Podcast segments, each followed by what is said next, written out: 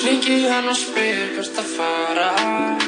Nóttinn eins og við getum verið saman. Þar er ekki að vera ég sjálfi fyrir framann hana. Rúla mér eina og við byrjum að tala saman. Tala saman, alla virka daga, mellir fjögur og sex.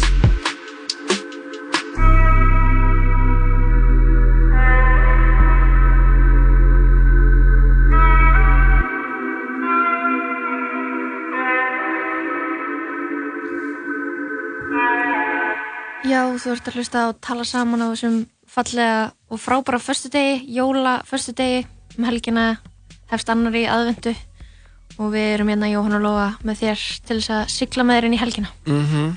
Það er Það ekki. rétt. Við erum skipstjórar á þessu stóru skipi sem ætlar að sigla með reykvíkinga inn í helgina. Við erum skipstjórar á skipinu sem þú kallar uh, daglegt líf. Við Það er erum- rétt. Við erum hérna þéttið hals og traust, en það er eitthvað þá getur allt átt samband við okkur. Í síman okkar. 55661. Elurinn bara ef það er eitthvað. Ef það er eitthvað, Eða það eitthvað sem- hvað sem er. Eitthvað sem er að bögga þig, eitthvað sem ánæði með, Já. þá erum við til að heyrum það. Við vorum í fallegum göngutúri hérna í Reykjavík og það var fallegt veður úti svona aður, en- rétt aður svona sólinn settist hérna um þrjúleiti. Já, það var það sko. Það var svo sannlega. Við ætlum að, það verður gestagangur í dag, við ætlum að bjóða til okkar þær Hjördísi Eithors og Dóru Dúnu úr ljósmyndaskólanum. Það er alltaf að fjalla um ljósmyndamarkaðin í Bíóparadís. Það er gott að fara til að uh, kaupa jólagjafir. Það er svo gott að kaupa eitthvað svona, það er svo gott að gefa list. gefa list. Það er svo gott. Já, og jú, svo erum við náttúrulega eins og sumir, sumir ykkar hafa eflust tekið eftir, þá er hérna farin í loftið, farin að staði loftið nýr þáttur, hann heitir Classic með Nönnu Kristjánsdóttir. Mhm. Við ætlum að fá hérna Nönnu til okkar í vittalastir og hún ætlar, hún er ekki alltaf bara að hlusta á klassíska tónlist, heldur er hún með geggjaðan tónlistasmekk og oft við stjórnmölin í partíum, curata Spotify playlista fyrir partí. og hún ætlar að segja ykkur frá John playlistanum sínum og við ætlum líka að tala um bara af hverju klassik, af hverju klassísk tónlist Ég er dyrkan þátt svo mikið sko. þetta er svo góða þáttur. Og líka bara þetta er fyrsti þátturinn sem hún gerir. Og hann hafi hefnast svona vel. Það er bara svo flott. Já, við erum alltaf stolt að þessum þætti. Hlökkum til að fá hann engað í stúdíu til okkar, Mhm. jú, svo munum við bara vera í jólaskap í dag, það er ekki jói? Jú, ég held að ég sé alveg í þokkalegu jólastuði. búin að fá þér ykkurar klementínur Engar mandarinur í dag, en uh, ráðlega dagskandur á mandarínum eru tíu víst. já, um mitt, ég sá þetta, sá þetta að ná en bjall í dag. Mhm. Við ætlum að kannski kíkja hans á fréttinnar og taka fyrir málumni líðandi stundar. Það er eh, ekki skortur á því. En áður en að þetta líkur í dag, þá ætlum við að spila jóladagatal. Um mitt, Spuna jóladagatalið, jólatalatal. jólatala tal. Það komið að sjötta þætti, uh, enda er sjötti desember í dag. Jú, það er rétt, rétt myndið. Við munum spila hann hérna eftir. Hver eru gestir hjá þeim eh, Pálma Frey og Gumma Feil í dag? Ég, ég skal bara segja það eftir tvær sekundur. Já, Guðmundur, um, sjötti desember, það er hún Björk Guðmundsdóttir. ekki söngkonan. Nei, Nei. ekki söngkonan Björk Guðmundsdóttir Leikkonan. heldur spunaleikonan og leikonan og grínistinn Björk Guðmunds Um mitt, hún er, leik, hún er að læra á leikari í LHI um en hún er búin að vera í sýningahópnum svo að segja bara frá er búin að vera hann að Já, lengi bara frá, frá upphafaldi bara. Ég held að sé alveg bara rétt metið. Uh, þannig að það er, eins og það heyri kæri gestir, kæri hlustendur, nóg framöndan í tala saman í dag. gestir í útastættinu tala saman allir sem hlustur eru gestir Ég myndi segja það. Ekki? Þið væri- Þið værið all uh, gestir okkar. Ertu byrjar að spila jólalögin Jói? Uh, ég var nú ekki búinn að, var nú ekki alveg komið þangað sko. En ég get alveg spila ef þú vilt. Nei, ég ætla, við ætlum að spila eitthvað velvali jóla í þættinum eftir en ég ætla nú bara almennt að taka púlsinn og stemmingunni þinni ég, eins og tölum í gær, er komin í ágætt jólastuð en ég er ekki byrjað að spila jólalög Ok, þegar að lappa niður göduna sko. Ég geri það, það, það kemur eiginlega aldrei hjá mér sko. það kemur aldrei Nei, það er kannski bara þessi jólalagi eins og ég get spila eitthvað aðeins í útvarpinu, ég get spilað kannski heima, Mhm. spila eitt, tvö jólalög, uh, en ég er aldrei bara eitthvað að stróla niður laugavegin, bara hlusta snjókot falla með latta. En, en þarna en þú komst með jólun til mín. Uh, Það er eitthvað svona Það er eitthvað alveg íkónik jólulag Já, út af þarna herran, hann kom inn í Vittalivíkun og hann valdi það sko, hann sagði að hann verður hlusta það. Já. Og það er svona jólulag sem bara þú fer bara í eitthvað svona gett dramatíst jólaskap. Já þegar þegar líka upphækkununa sko. Það er allt breytt vegna þín? Og maður er bara það er allt breytt vegna þín. Já, hver sem þú ert sko. hver sem þú ert. Heru, Ég er Seldur, við byrjum þáttinn Thank á you. Rúdreikinalds og Yes. ó, þetta er lagið Þú komst mjólinn til mín.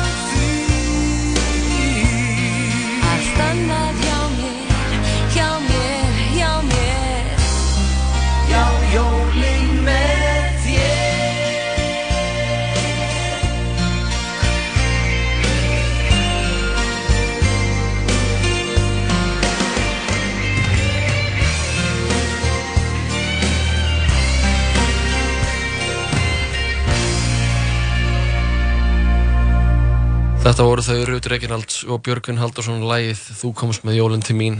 Og uh, já, við erum komin í jólastöð þannig að ég sýta setjum tala saman. Já, það væri, ef ég væri að taka eitthvað lag í fílalag ef ég væri bargurabbi, mm -hmm. þá myndi ég taka þetta lag. Já, það. Já. Já. Já, já ég stend með þessu. Já. þannig að ég var ymmit að horfa á eh, uh, Bergsabba uppstand í gær þar sem hann var að tala um jólulög Hvað sagði hann um þau? Eh, Það var á degi rauðan öfsins ára 2012. Ok. hann var að segja, uh, hann var bara að gera grína íslensku jólulögum. Eitthvað...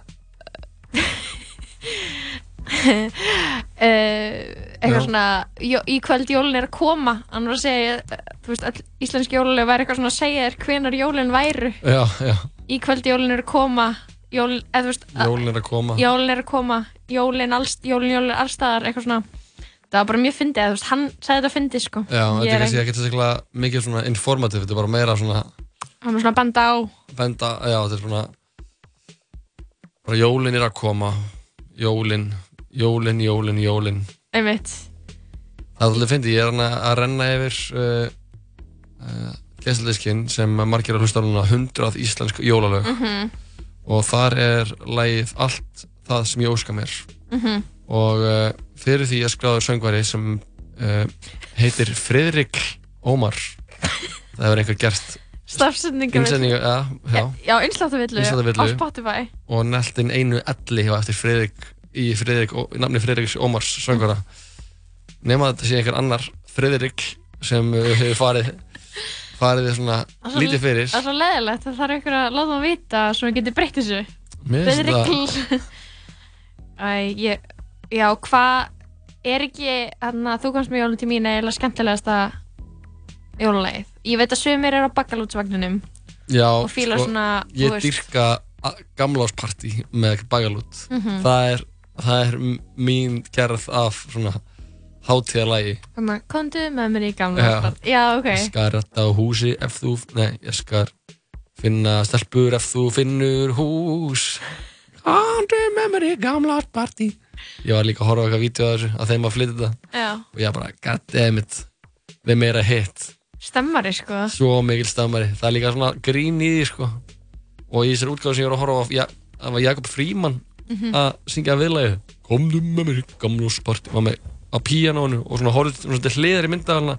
Þetta var í, í hljómskálanum já, einmitt, sem vorum að tala um sömu gær hátíðar útsendingu og uh, lagi sem ég spilaði í gær Einmitt. þettinum Búkolla í flutningi Latta var flutt þetta, er- þetta er merkilegt sko. Merkilegt. Og svo er náttúrulega einhver um, og náttúrulega þessi- klassísku og fyrirskildum minn hlustast á Sissel sem er Ah. norska söngkonan. Mm. Sissel. Hún spilast, kemur stundum fram á Íslandi þannig að sjáta þetta á hana. Sjátt og og Sissir svo er svona dittu, jólulegin með dittu. Já, hvað er þið versta jólulagið? uh, versta og besta er þarna í kvöld jólun er að koma með Jónsa. Jólun er að koma í svörstufötum, já, um mitt hegi, í uh, kvöld jóli þú veist, dag er býð eftir jólunum spendur Mér finnst bara svo mikið svona sexual innuendo í öllu sem Jónsi í svörstufötum syngur. Ég veit að hann er bara í kvöld, jólin er að koma. Já, og svo er hann bara eitthvað svona jólun er að koma í feysið að þér já, hann er bara jólin er að koma Já. Það er eru náttúrulega mörg góð Það er náttúrulega eitt lítið jólulag með Birgitta Haugdal uh, Snjókott falla með Latta Það er. Það er uppáhalds jólulagið þitt. Nei, það, það er ekki skemmtilegt sko. Eða skilur, það er na, það er ekki svona það er jólabalslag. Já, það er lag til þess að spila jólabal í grunnskóla. Einmitt. Ég er ekki að setja það heimi hjá mér og eitthvað eitthvað ekki dansa við það í eldur sem ég skilur En uh, Nei, nei, ekki um jólin. Það er ekki svona frekar tragísk lag, er það ekki? eða það, er það er, er ekki um eitthvað, eitthvað, eitthvað sem á ekki að gera svona jólu Mm. eitthvað sem er hræðilegt? Nei, sko, nei, nei, ekki um jólin. Er það ekki, þú veist að maður leit- leitur ekki eitthvað svona bögga sig um jólin eða eitthvað fá á sig. Mm, Ég veit það ekki. Er ekki Skal- eitthvað um að maður ekki að vera fullur og, og ofbeldisfullur um jólin? Nei, Það farið við textan eða? já, ég er að lesa hann. Ok, hvað er með hann?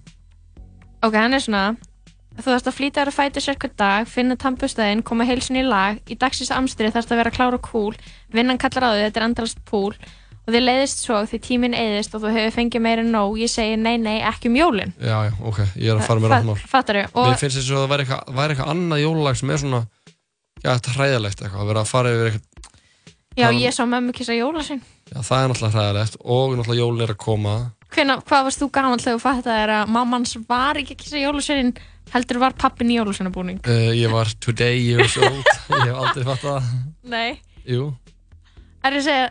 Ándjóks? Já, ég var bara ertu að ljúa Nei, ég er fyrir ekki að ljúga. útvarpið, Ég er að vera? Ég er vera. Ertu að fatta? Ég hef alltaf verið bara hún var að kissa jólasvein bara, Jólasveinin bara kom og Já, þau og fór sleik já, og, og hún var að halda fram með pappa Já, hún er bara að geða mikið Nei, Ég- ég, svo mömmu kissa jólusvein er bara Badni sér mömmuna kissa pappan í jólusveinabúning Ég skil það núna og það meikar mjög mikið sens. Oh shit. Ah, Það er svo mikið að, sko, þegar ég var yngri það var uppáhalds jólalæði mitt alltaf jólahjól Já, auðvitað, það. Var líka geðveikt og geðveiku stemmari Já, með þarna Stefáni, Steppa Hilmars. Já, sníklamandinu Pældi því samt þarna Steppa Hilmars var í þarna hljómsveitinni Sjálflansjóns míns. Sálunarsjóns míns. Mhm. Pældi því að hún var hún var svo mikið þeng þegar við vorum krakkar. Já. Og ég man bara eftir vídjóinu þar sem er eitthvað svona, eitthvað svona tvær stelpur í ástasambandi Já, og ég er bara eitthvað einn heim og horfa á Pop TV og það er bara svona eitthvað svona lesbian sexy í gangi í í bara Hvaða lag var það? ég manna það alveg sko. Kannski er að kannski er víran eitthvað aðeins með að skiptast á er nokkuð allan að meina skilur sigur og svo lagið? nei, nei, nei, með, sem er með tveim strákum. Við erum eftir loftur og svo ég er að hugsa um sjálfum sjónsmeins Ok, um, sko, jólahjól já, mitt, ég held að þetta er undir þínum áhrifum. Já, ok ég, þarna, ég var að fíla jólahjól en ég var líka bara, þú veist, maður var alltaf að hlusta á Ég hlakka svo til með Sölu Björgvins. Já ég hlakka alltaf svo til. Líka hún er með svo bjarta og skæri rödd. Já, Hún verður alltaf þessi svala fyrir mér, sko. Já. Litla svala. Litla svala.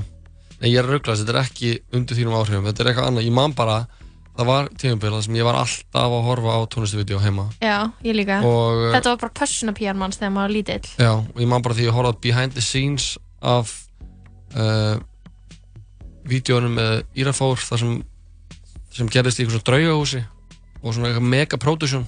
Ertu að tala um hann að þegar Birgitta Haugdal er á svona retro bíl með svona hárband og túbrað hár? Nei, það er ég er eins og ég er. Ok, uh, ég er eins og ég er, ég er 50s Nei, þetta var eitthvað vídjó þetta var svona, held ég að Ég vil bara vera svona með hári eins og gömul kona. Já, það er náttúrulega það er náttúrulega tímalaus klassík. Uh, ég man, jú, allt, Ég- allt sem ég sé held ég að hafi verið. Allt sem ég sé.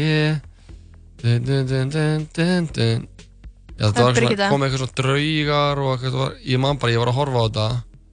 Varstu hrættur? Nei, ég Herru, var, það ég, var bara, ég var bara að horfa á behind the scenes vídeo að þessu og ég bara, vá, þetta er ótrúlegt hvernig náðar að gera þetta? Vá, þegar ég er að horfa þetta núna er ég að hugsa, er þetta tekið upp í eyðbílunni í Skorradal? Mögulega, Anna, getur þú sett smá á þetta lag út af því að þetta, þetta lag var the banger of my childhood. Fiðlunar, það eru styrlaða fiðlur í þessu. Já. Er þetta Greta Salome á fiðlunni eða?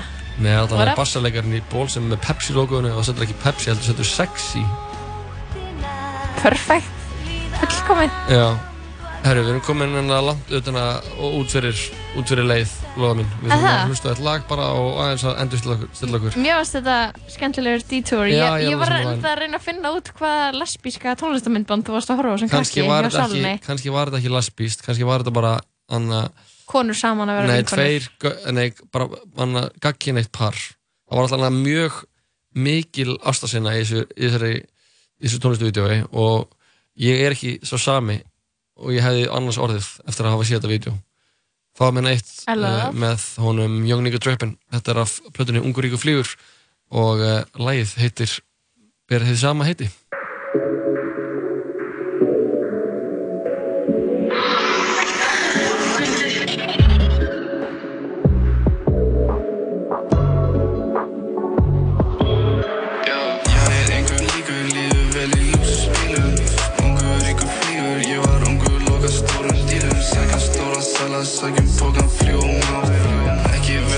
vera að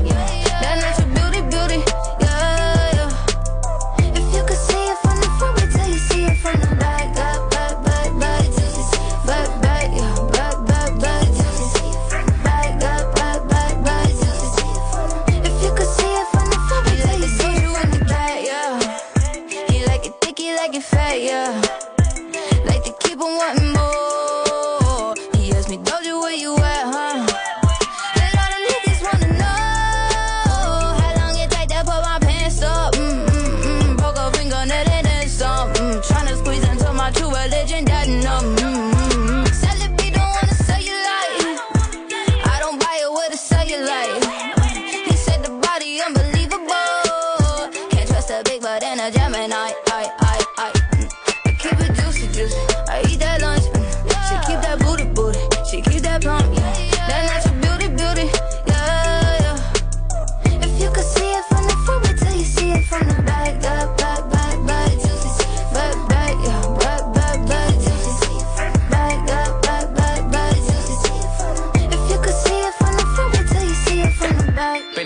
Bend that ass over, bring it back, back, back. I'm a big dog tryna eat the kitty cat, cat. I'ma slide in the way it fit. I could tell we match. All about my racks, hella cheese. I don't fuck with rats. Big crib in Hollywood, I don't even act. Come relax, let a nigga tap. What you wanna act? Take a look with the wipe the pain away. Juicy and it's tighter than a virgin, like Madonna say. I love when you give in, I love when you don't. Ay, hit me with the threesome, and sometimes you won't. You told me don't fuck with no bitches, you know. Nah, You got it, yeah, you got it, baby. Bust it on the floor. I keep it juicy, juicy.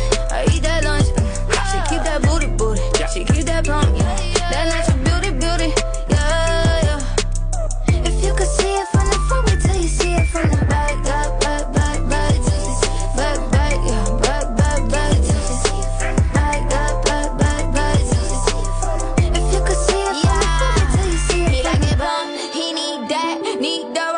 the thighs. He eat that, eat that up and in the night. He see that in the dark and in the right. He keep that, keep it running like it plump. He need that, need the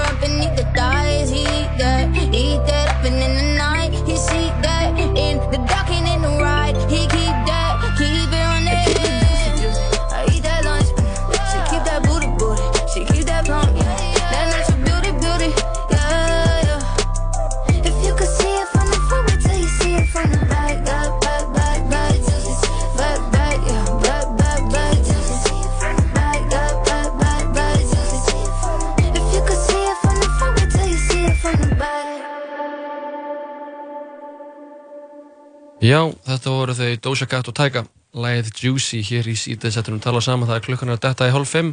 Jöp. á þessum uh, fallega fyrstu degi það er sjötti des. Mm annari aðvendu um helgina. Serðu fréttin um að vera íllöðdóttir sé að selja íbúinu sína á leifskötu? Já, ég sá það. Hvað veist þér um það? uh, Mér finnst bókstálega ekki eftir það. Ég hef engu við það að bæta. Ekki? Nei. Og fórst ekki að skoða íbúinu og hugsa eitthvað, svona er býr vera íllöða? uh, Með er- gult ég eldhús. var reynda búinn að opna það, ég opnaði þetta fyrst sko á heimasíðu fréttablaðsins. Já, en það var, voru enga myndir að sjá.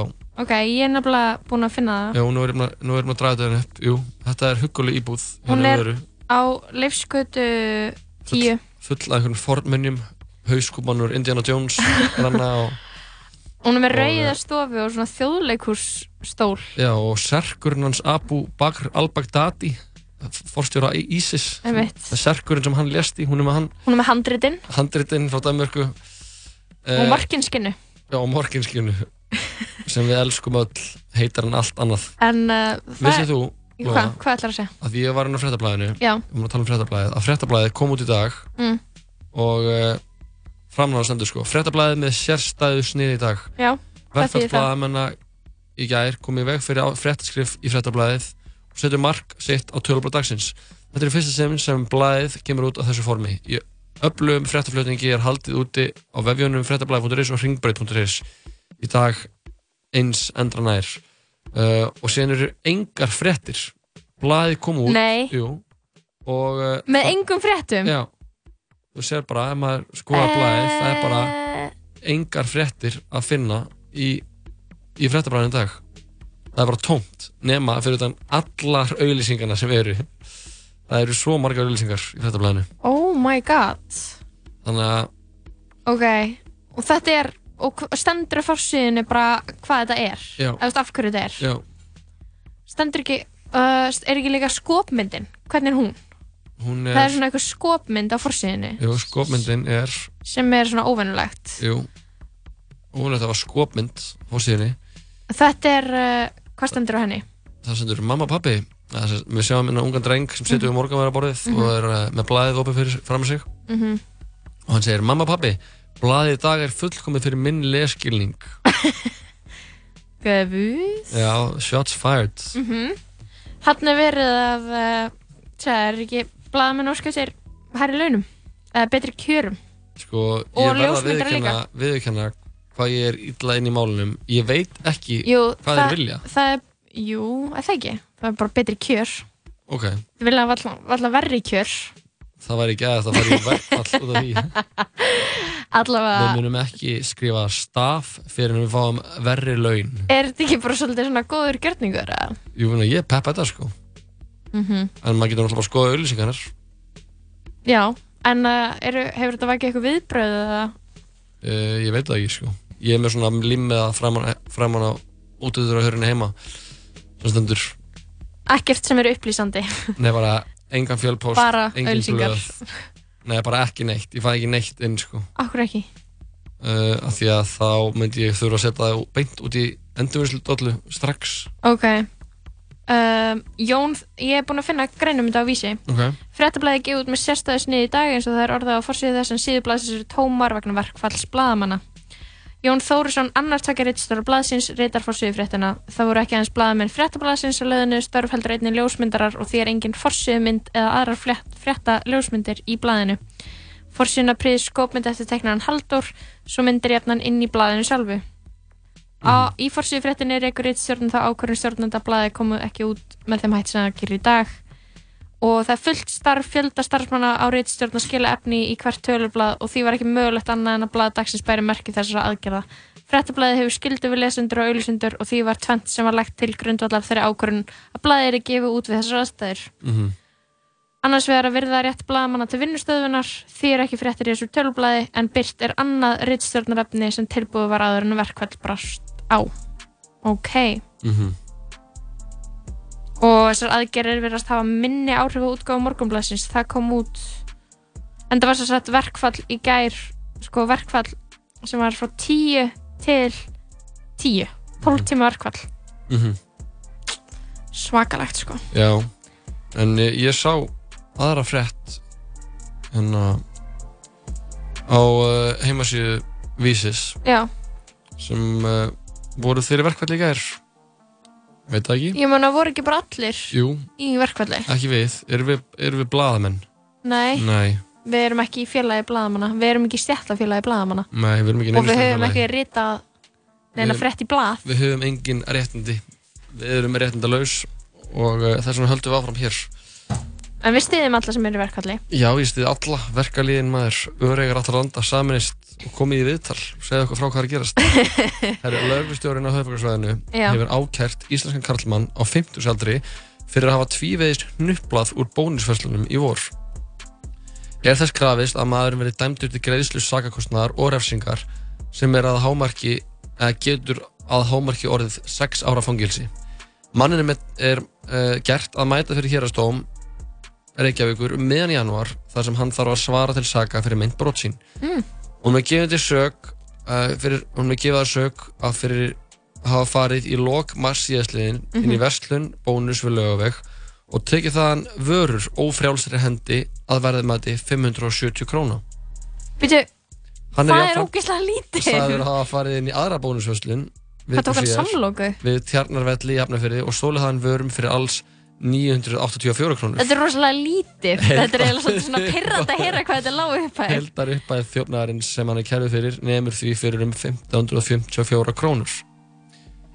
Í ákæru á hendur mann með tekið fram að mentur þjófnaðar hans varði við almenn hækningarlög nána tiltekið fyrstu málskriðin 244 greina þar sem segir að þjófnaður á fjármunum eða orkuforða varði fang, að fangir sig alltaf 6 árum.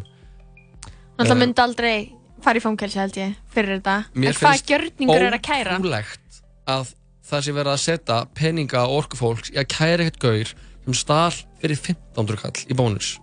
Mér liðir eins og ég sé að þetta sé svona íslenska útgáðan af Les Mis þegar hann, fyrir, þegar hann er að, í þræla vinni í 17 ár fyrir að stela brauði fyrir, fyrir veika sýstu svona að, ve- veistu hvað ég er að tala um? Hugh Jackman, já. karakterinn hans Sean Val, Sean, nei ég það ekki, Jean-Paul Scholl. æ, ég skiptir ekki máli um, mér finnst það að vera þannig moment sko, hvað er í gangi? Nú get ég bara komið með persónulega sögu af reynslu minni við lögregluna. Ég var fyrir nokkrum árum rendur. ok, Ég veit ekki hvort ég hef sagt þessu sögu en í útvarfinu. nei, ekki mér allavega Nei, heldur, uh, ég var að skemmta á skemmtistað nýri með bæ og þá kemur maður og tekur úlpunum minna ófrjálsri hendi hvernig úlpu? uh, Jöklaparka úlpu frá 66. 66 já. inn í henni er uh, svona sérstak Sturla Atlas húa frá 66 sem við gerum mjög takmarka upplag af hanskar og uh, veski Mm allt styrla allars útgáfur eða bara, já, ekki veskið ok, uh, í veskinu er debitkort og skilur ekki skilríki, augurskriftinni mitt Mhm. og uh, sundkort og ég hef búinn að borða tíu sem á glóð þannig að inn í fría máltíð.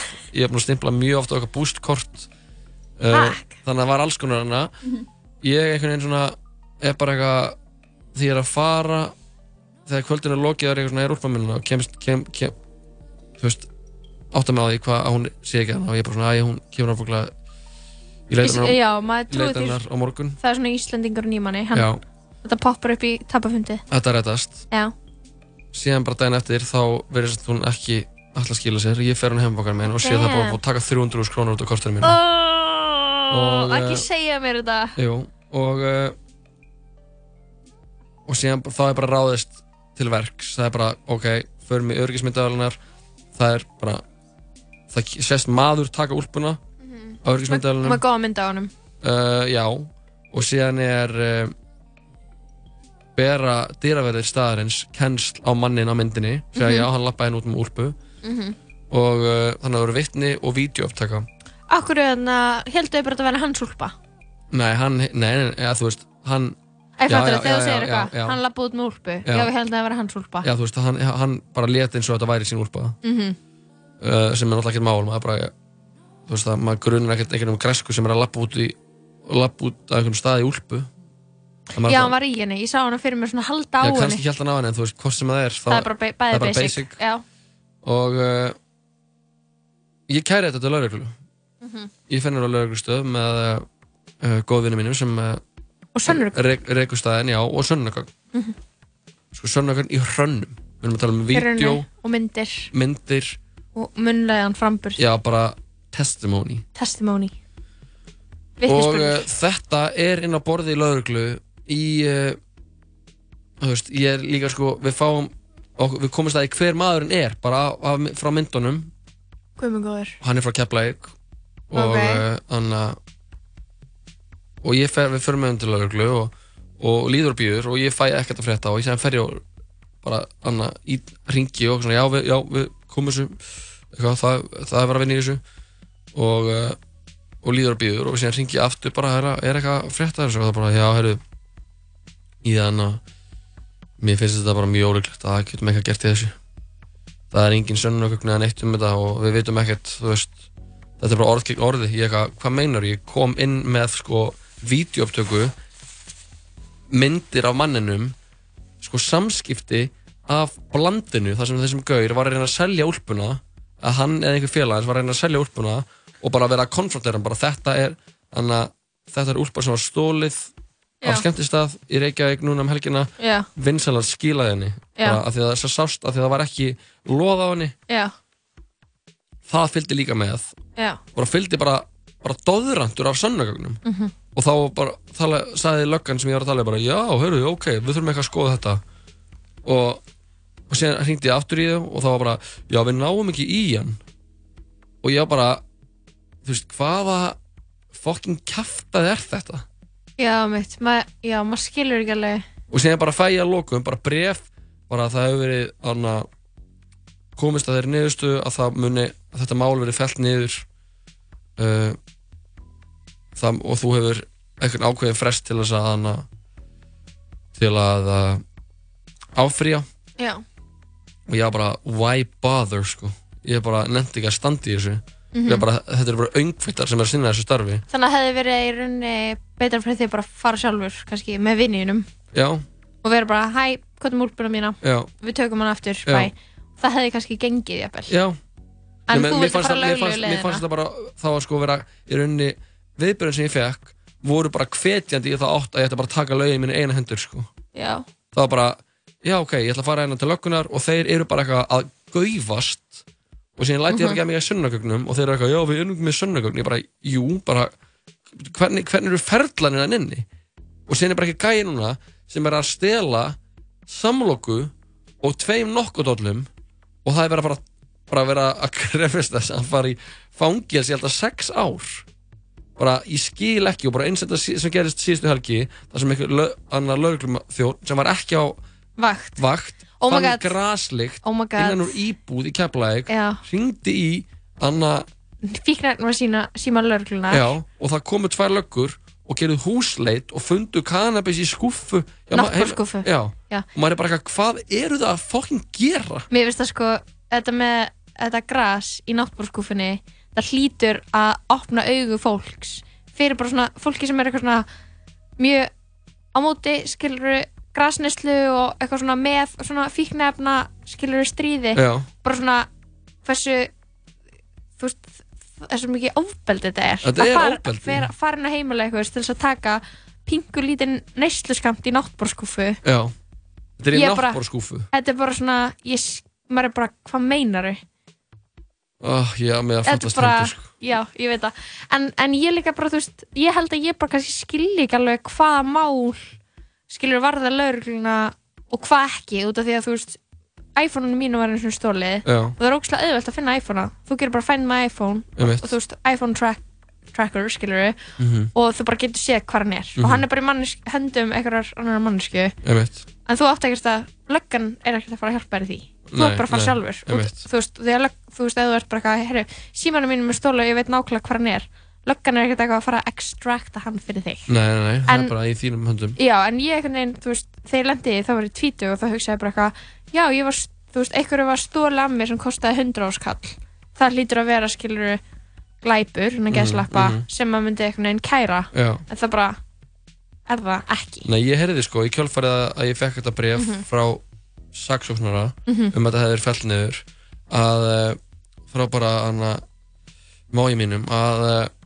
að það sem eh, varða lögregluna eru fjársvik upp að, að þú veist 500.000 krónur og meira já, veist, ég, að mér var reynd í rauninni var tap mitt meira virði heldur en einhver 500 krónur því að það var 300 krónur sem var tekið að mér úlpar sem kostar 100 skall Mhm. og síðan mjög mikið að dóti, bara sundkort og, og aukiskriftinu og bara, og bara mjög mikið að bara svona dótum sem líka skipta með máli persónulega já, eitt hann sagði bara, ef þetta er ekki 500 skall þá pælar ekki í því Mhm. Síðan bara segir núna að það var að kerrið gaur fyrir að stela einhverjum fucking einhverjum keksi.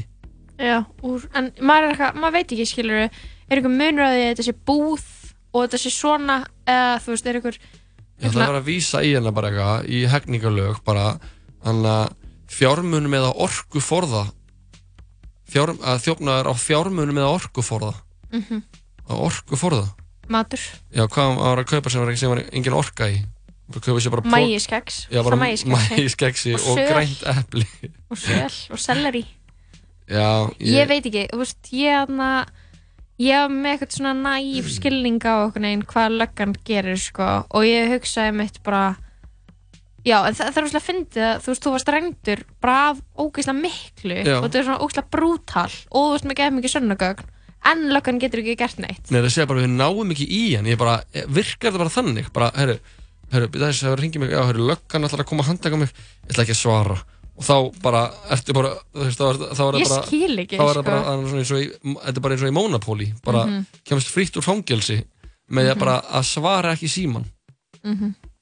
þetta er greinilega ég skil ekki neitt. meingallað kerfi. Já, en ég skil ekki neitt sko. Ég, nei, heldur ekki ég, þú sko. veist, ég hefði haldið að ymmit löggan ætti að gera eitthvað svona en svo er ég bara eitthvað, já ok, það er greinlega bara nú mikið að ykkur öðru að gera. En svo samt fyrir nú ekki gras í náttbórskúfu og, og er að handtaka gauður sem rendi fyrir 1500 kall í bónus.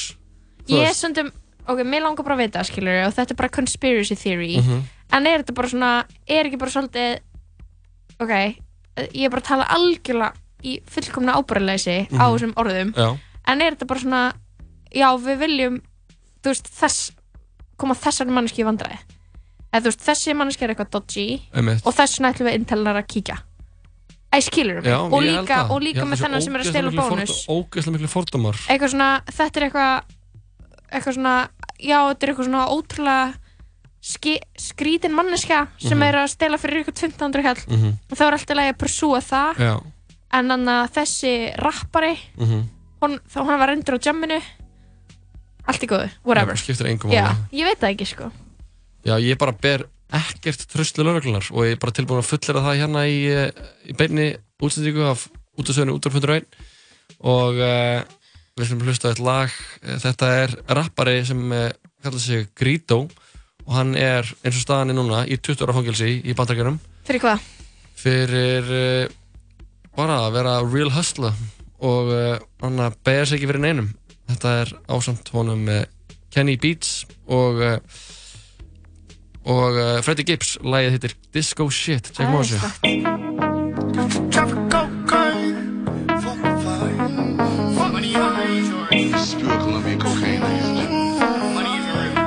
Disco shit. Oh, get it. Fuck fine, used to traffic cocaine. I prefer to live my other life. The drug game, fuck around, got full of lame. Shit changed, now I'm on my mind. Disco shit. Trigger finger in the head for this. Disco shit. This that disco shit. Trigger finger in the head for this. I met the plug and his wife had sex with me. George Young in the 1970s. I had to make me a flip. I had to flip me a sip. I had to take me a trip. I wanna play with the bricks. I wanna play with the grill. Rolling and steering the wheel. These niggas there for real. I feel away, go. Watch the Diego. Get in, get out. Don't touch the cloud. Niggas be going that road. Gotta go Pablo. I'm talking to phone, they take convos. I'm selling the work to Gustavo. I put the work in my nostrils. Yeah, I got a test. Don't touch your mama ex bitch. They tryna get you arrested. Fuck fine, used to traffic cocaine. I prefer to live my other life. The drug game, fuck around, got full of lame. Shit changed, now I'm on my mind.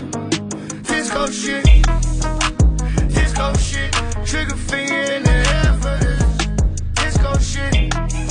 This that disco shit. Trigger finger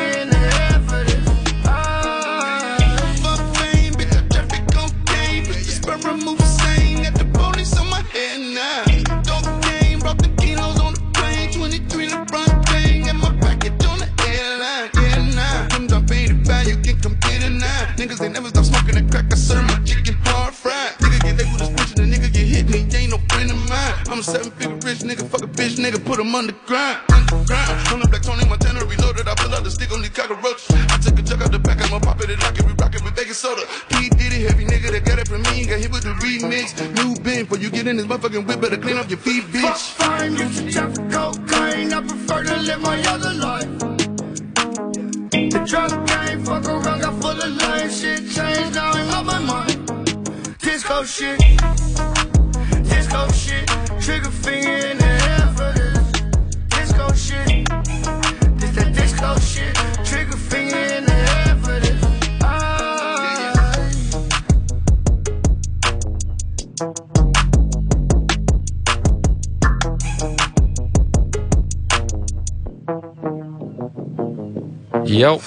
var uh, Kenny Beats og Greedo. En uh, við ætlum að halda fyrir mig smá músík en á fyrstu verðum í stuði. Og uh, það var að koma nýtt lag frá henni Camilo Cabello sem uh, Ok. var fyrst fræg fyrir að vera í hljómsveitinni Fifth Harmony en gaf síðan út sína fyrstu svona soloplötu árið 2018 og hún sló svo sannlega í gegn. Og uh, hún var að gefa út nýja plötu, vá, hún var að gefa út plötu? Ég, ég held að hún hefði verið að gefa út Lag, lag. En hún var bara að gefa út plötu geðveg og uh, þetta lag heitir My Oh My og er ásand uh, rapparunum Da Baby. Gjör þessu vel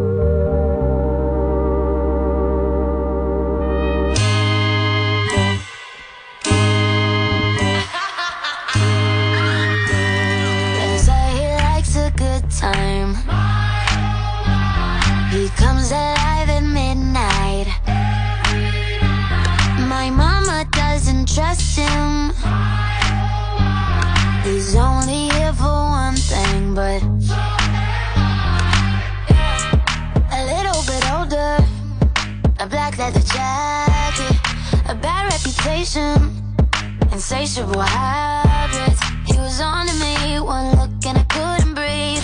Yeah. I said if you kiss me, I might let it happen.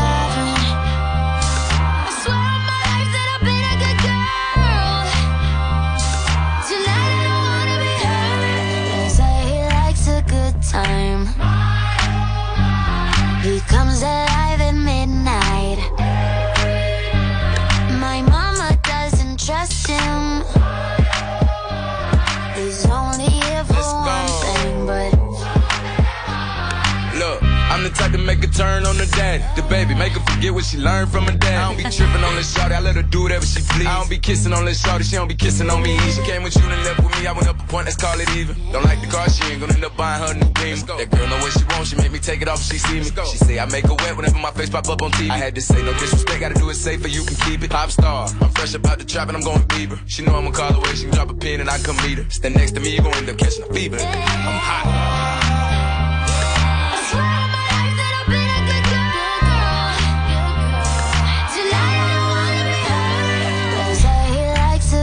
Time.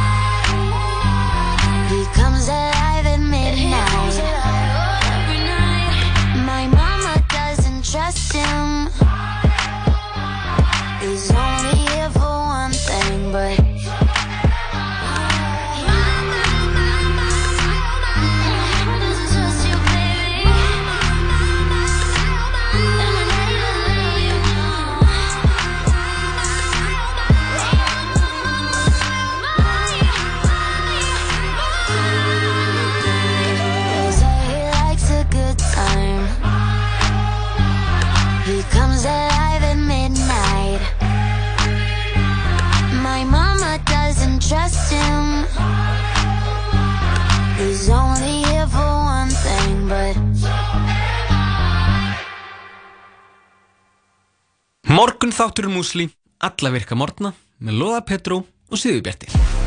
Run and Gun. Já, er gott að fylgjast vel með í Dominos-deildinni því hlutinni gerast hratt í deild þeirra bestu. Við stöndum vaktina í allan vetur. Vertu með Dominos. Hamburgerabúla Tómasar, hvað er að frétta? Hamburgerabúla Tómasar. Ferst, holt og framandi. Nings og kroppurum blómstrar. Útvarp.1 Jú, jú, það er sítið að við tala saman hér í fullu fjöri á þessum fallega fyrstu deg Gleðilegan försara Gleðilega fjörsara, klukkan er 25 og eftir öskamastund fáum við hana Nönnu Kristjánsdóttir sem er uh, nýja hafið með nýja þátt hérna á stöðunni. Klassík Classic. Það sem hún fer svona yfir uh, Já, fer svona, þetta er svona Classic tónlist for dummies. Mm Já, mætti segja það. Uh, Fyrir yngri aldursóp og fyrir fólk sem kannski vissi ekki að það kannski fílaði klassíska til dæmis mig, ég er búin að hlusta mjög mikið annað þátt. Og erstu að njóta Ég tónlistarinnar? ég er að njóta sko.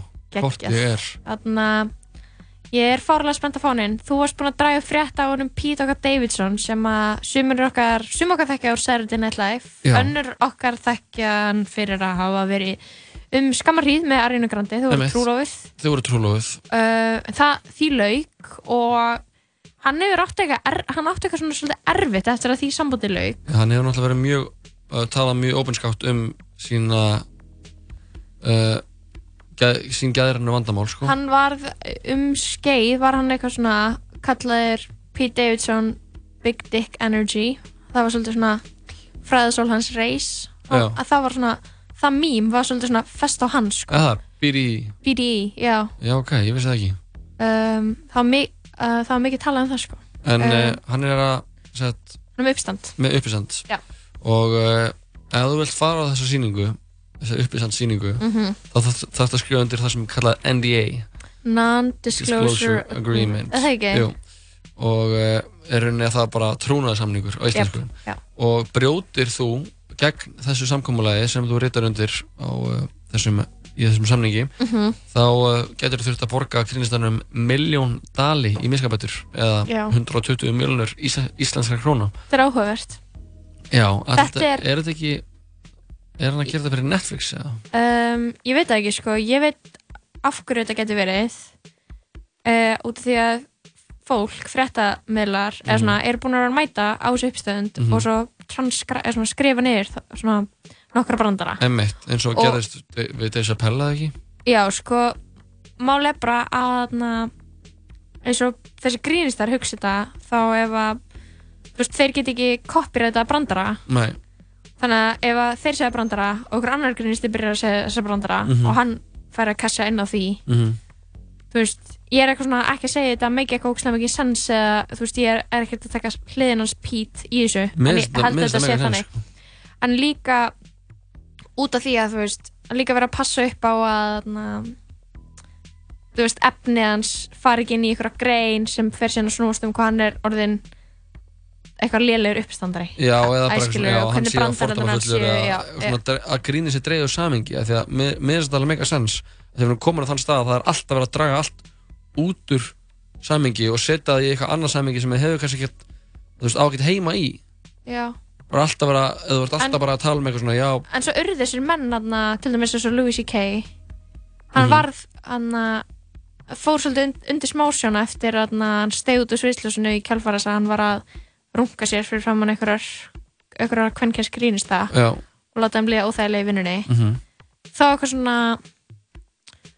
þú veist, þá var það eitthvað svona eins og smá bara svona case study á bara eitthvað svona eftirmálum MeToo-byltingarinnar í skemmtarnabransanum Mhm. þannig að maður ma, ma, myndi ekkert finnst það eitthvað svona óeðlilegt að gera þetta æ, skilur eins og þú mætir á leiksýningu og svo fyrir heim og gefur henni leikdóm. Já. Og þú kannski setur inn nokkuð quotes. Mhm. en þannig, þannig að ég skil báðan hliðar. Æ, Já, skilur, já. báðan hliðar er alveg Það er bara eins og þetta var, ég las einhverja, einhverja grein sem, ég bent á og sem ég held að þú hefur líka lesið. Um, hana, um uh, þetta dæmi sérstaklega með uh, Dave Chappelle. Að nýjasta uppfæsandi hans. Þá var bara að vera að tala um nei, hann var, hann var að tala um hann er hann er svo transphobic, hann er homophobic og hann er, hann, hann er svona og hins einn Mhm. hann var að tala um einhver grein uh, þegar það var ekkert sem benti til þess í hans daglega lífi að hann væri neitt af þessum hlutum Mhm. heldur var að bara þengt einhverjum bröndurum úr Mhm. uppfæsandar hans Mhm. og, og þá, þá eru komin eitthvað stað að það er að það er bara eitt samingi sem skiptir máli og það er bara eitthvað svona þannig að hið, eh, þú veist, sem eitthvað svona eitthvað ríkjandi orðræða í þannig að þú veist eitthvað svona hana, eitthvað PC dæmi að það bara rúli allt þú veist, Mhm. allt að, það, það getur þú getur sett það dæmi á allt og þá kemur út af því, prentast út af því dómur um hvað þú ert Mhm.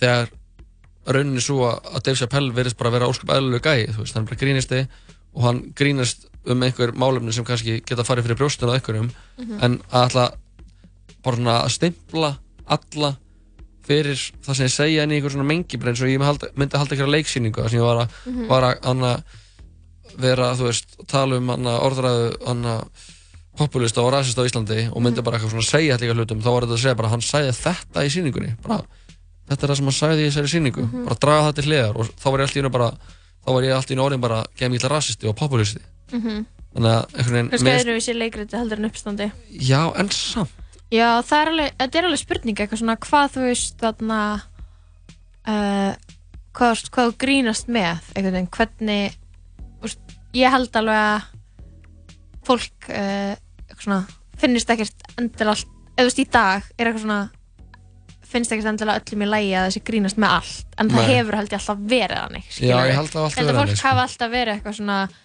oh my, God, eins og ég, ég var að, að googla eitthvað kvannkins uppstandar í gæðir sem heitir Natasha Leggero já, Natasha Leggero Já, veist hvað það er Já. og hún, þú veist, og hún lendi hún lendi í eitthvað svona svaka skandali fyrir að tala um eitthvað svona fyrirhandi hermenn Mhm. eitthvað svona Mhm. að þú veist, eitthvað svona gera grína þeim, þú veist, þeir var allir eitthvað bæklaðir að þeir gætu bara borða þennan mat, þú veist þú veist, við skiljum ekki alveg hennar brandara og því að hann við- passa bara í bandaríkjunum, Einmitt, skiljum einmitt. en, þú veist og það er eitthvað svona sem að, þú veist, ég og þú myndum ekki vera eitthvað svona við myndum ekki, það myndi ekki fara fyrir brjóstu okkur eitthvað bandarískir hermenn, Nei, skilur nei, einmitt.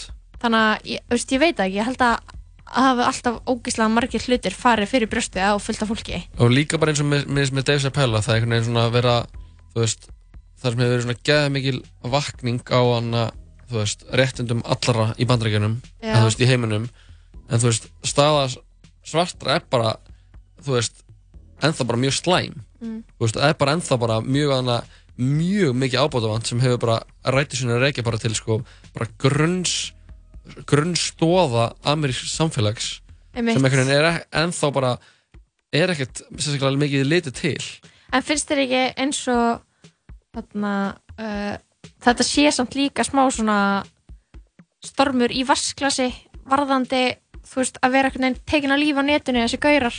Því ég held að gerist bara í einhverju svona ákveðnu mengi en þetta, þetta er ennþá bara svona ógislega vinsali gaurar og fá geð marga uppstandsitt þannig ég er smá svona spá. Jú, veist, er þetta geð mikið áhyggjaefni fattur menn, ég, ég, ég, hef, ekkert anna, þú veist, áhugjuna mín er ekkert endilega bara gæðið mikið bara hvað, hvað gerist við ferilin þeirra?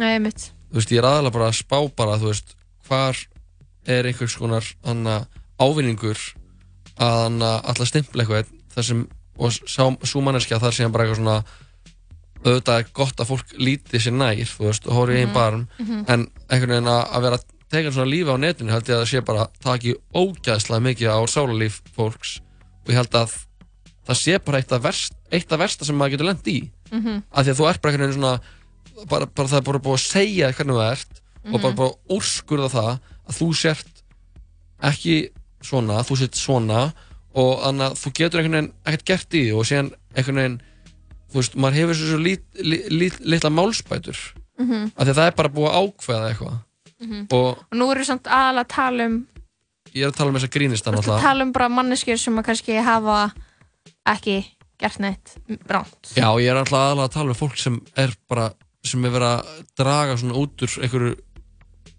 taka úr samingi orðir aðalega, Mhm. þú veist, eins og bara sérstaklega í máli þessar grínista, þú veist þannig að kannski ekki Louis C.K. því hann var náttúrulega bara fakt að runga sér fyrir framan eitthvað fólk og, og hann að og valdaði bara miklu óþægendum Mhm.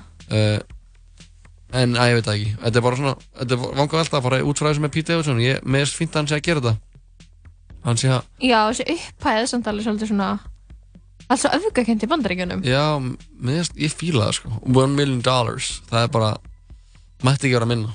Shit. Herru, ef að fá svona músika því að við vonum henni nönnu Nanna Kristjáns er uh, væntalegin í stúdíóið. Já, mér langar að spila eitt uh, smá svona smá partílag, það er nú fyrstari Þetta er mín allar á uppáhalds. Hún uh, Grimes, lagið heitir Violence, það svo vel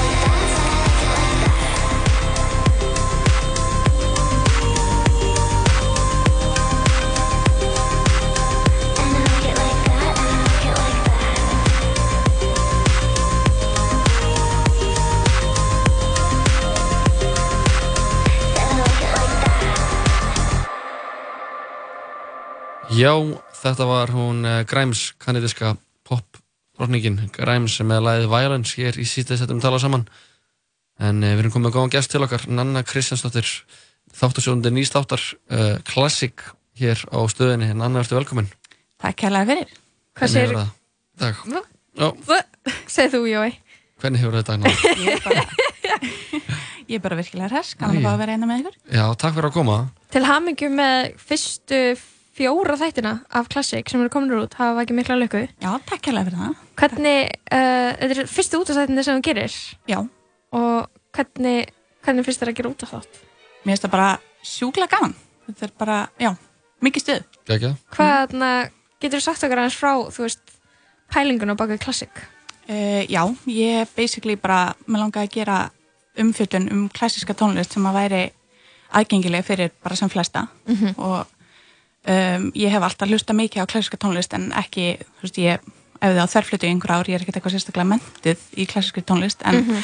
uh, bara svona, já, leikmaður í því og hérna, og langaði bara að kynna hana fyrir sem flestum Mhm. mm fólki sem er ekkert endilega já, kannski telur sér ekki eiga erindi við að hlusta á klassika tónlist nefnilega, það er náttúrulega svona pínu hún er á háum stalli svona pínu snopp stundum Og þú ert líka með sagfræði bakgrunn. Já. Sem að kemur svolítið inn í þættinum, eða ekki? jú, ég, mér langaði svona að tengja þetta, svona, setja þetta í samfélagslegt og sögulegt samhengi Mhm. og hérna og líka bara svona fjalla um tónskaldin sem einstaklinga, ég er alltaf rosalega heilluð af listamönnum og einstaklingum sem geta búið til tónlist sem að hrífur mann svona Mhm. og þannig að mér langaði þetta aldrei að fókusera á einstaklingana á bakvið tónlistina, þú veist, hvaða karakterar voru, voru gaurar aðna úti fyrir 300 árum síðan eða eitthvað sem voru að semja tónlistina sem við erum að hlusta enn þann dag í dag á. Mhm. og mér langaði svona aldrei að fókusera inn á þá, þú veist, hvaða Mhm. gæjar er þetta? Og ég, ég segi gæjar, þetta eru eiginlega bara gæjar. Já, þú veist ekki það útilokan eitt. Það... Nei, það er bara því miður þannig að það er ekki mikið, mikið af gælum í þessum bransa. En hérna. Kannski í dag. Kannski í dag, já, jú, í dag auðvitað. Já.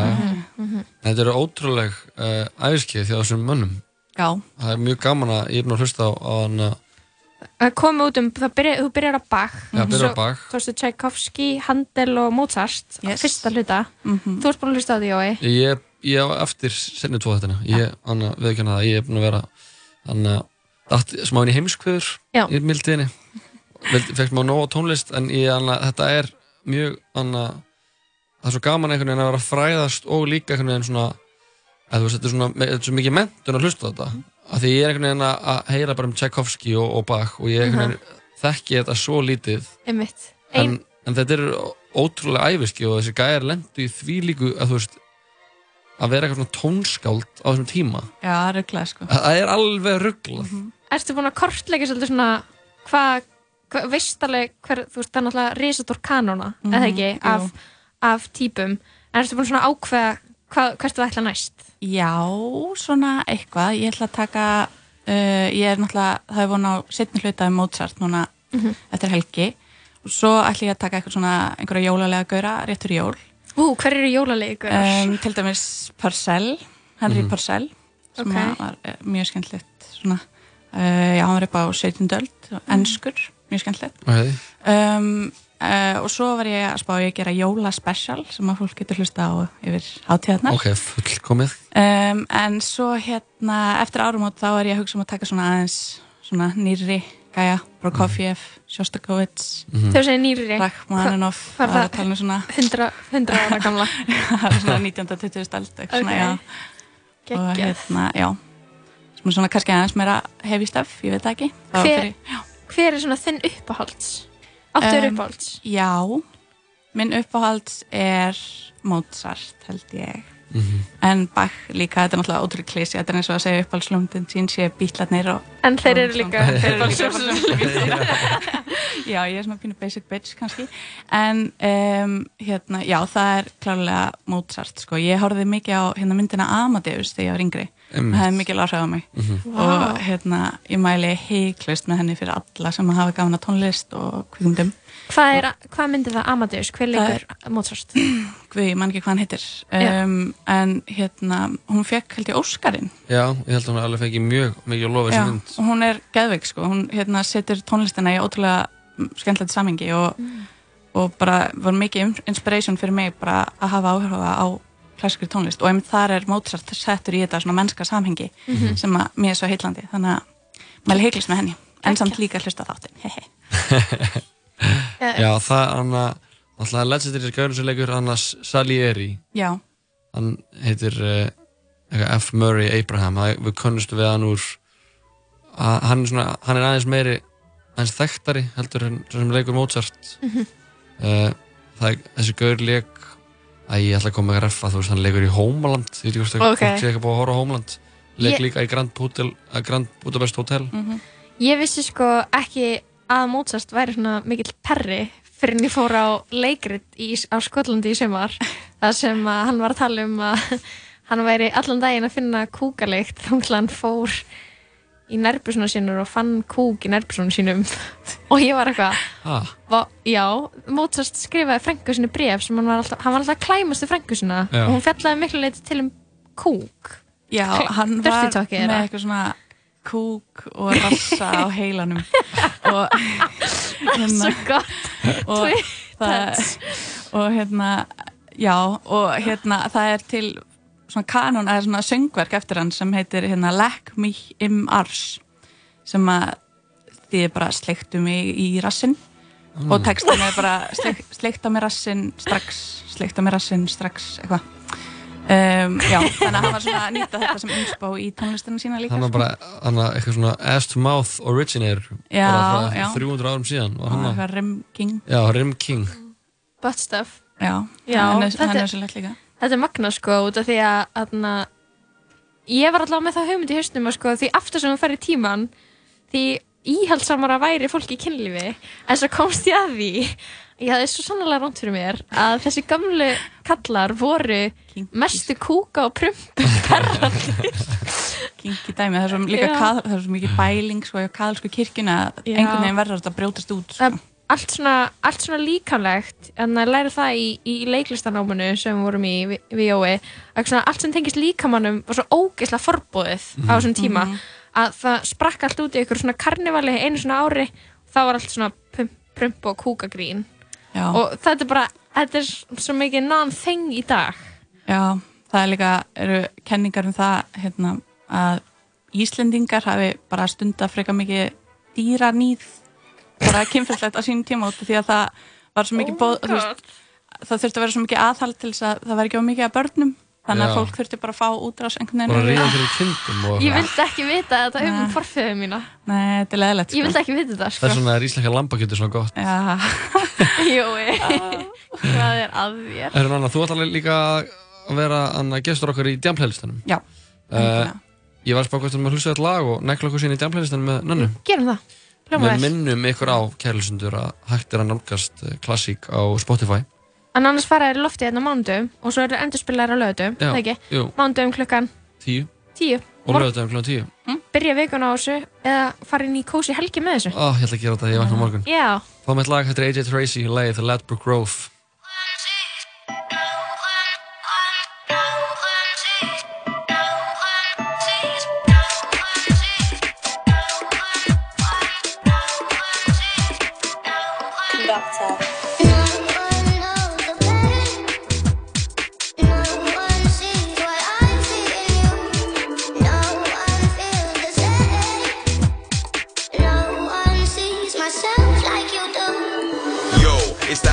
set. AJ Tracy live and direct. DJ mash up the mash up the deck. The microphone champ is live and direct. And again, it's the Hyperman set. AJ Tracy live and direct. DJ mash up the mash up the deck. The microphone champ is live and direct. Said Bubble, vibes in that.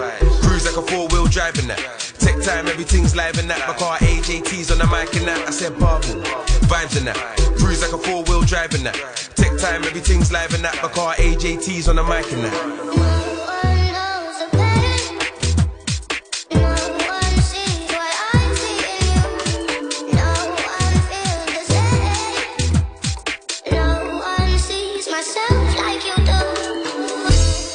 Watch the sun now.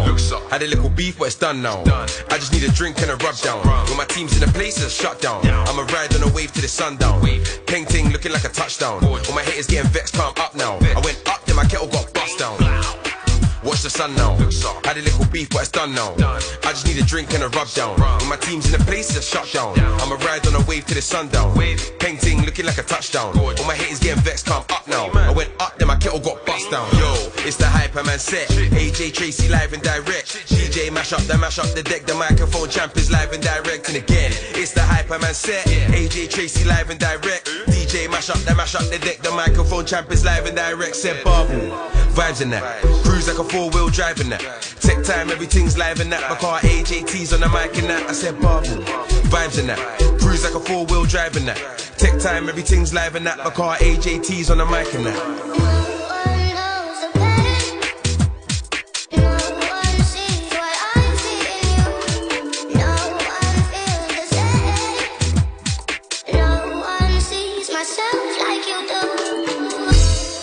I'm a rock star. I get the yatty love like a pop star. And when I'm in my ends, I'm a block star. Wait, everybody run from the cop car. And I don't know about sober. I'm just a block boy sitting in a rover. I got my friends and my fam on my shoulder. I've been cold, but my money got me colder. Said I'm a rock star. I get the yatty love like a pop star. And when I'm in my ends, I'm a block star. Wait, everybody run from the cop car. And I don't know about sober. I'm just a block boy sitting in a rover. I got my friends and my fam on my shoulder. I've been cold, but my money got me colder.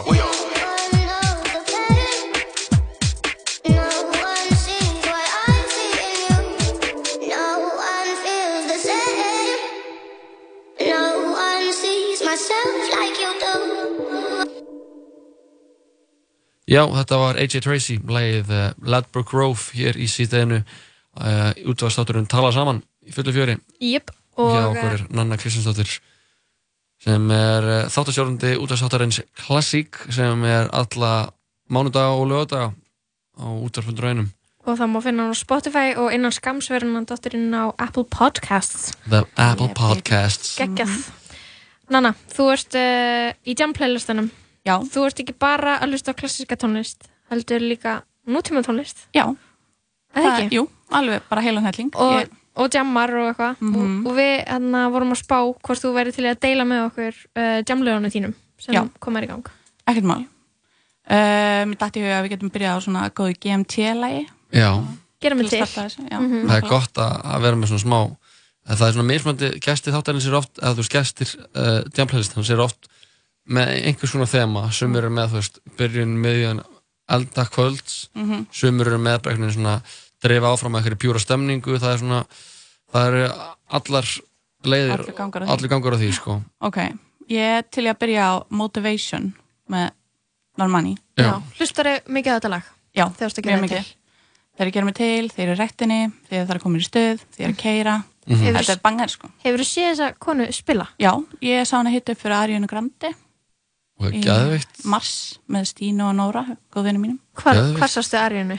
Í uh, Philadelphia. Í Bandaríkjunum? Já, Bandaríkjunum. Vá, Philly. Philly Geðveikt. cheesesteak, Jep, það er slum hlýða á þetta lag þetta er uh, söngunan Normani, lagið heitir Motivation I'ma break you off, let me be your motivation to stay and give it tonight. Baby, turn around, let me give you innovation. Yeah, cause I do it so right.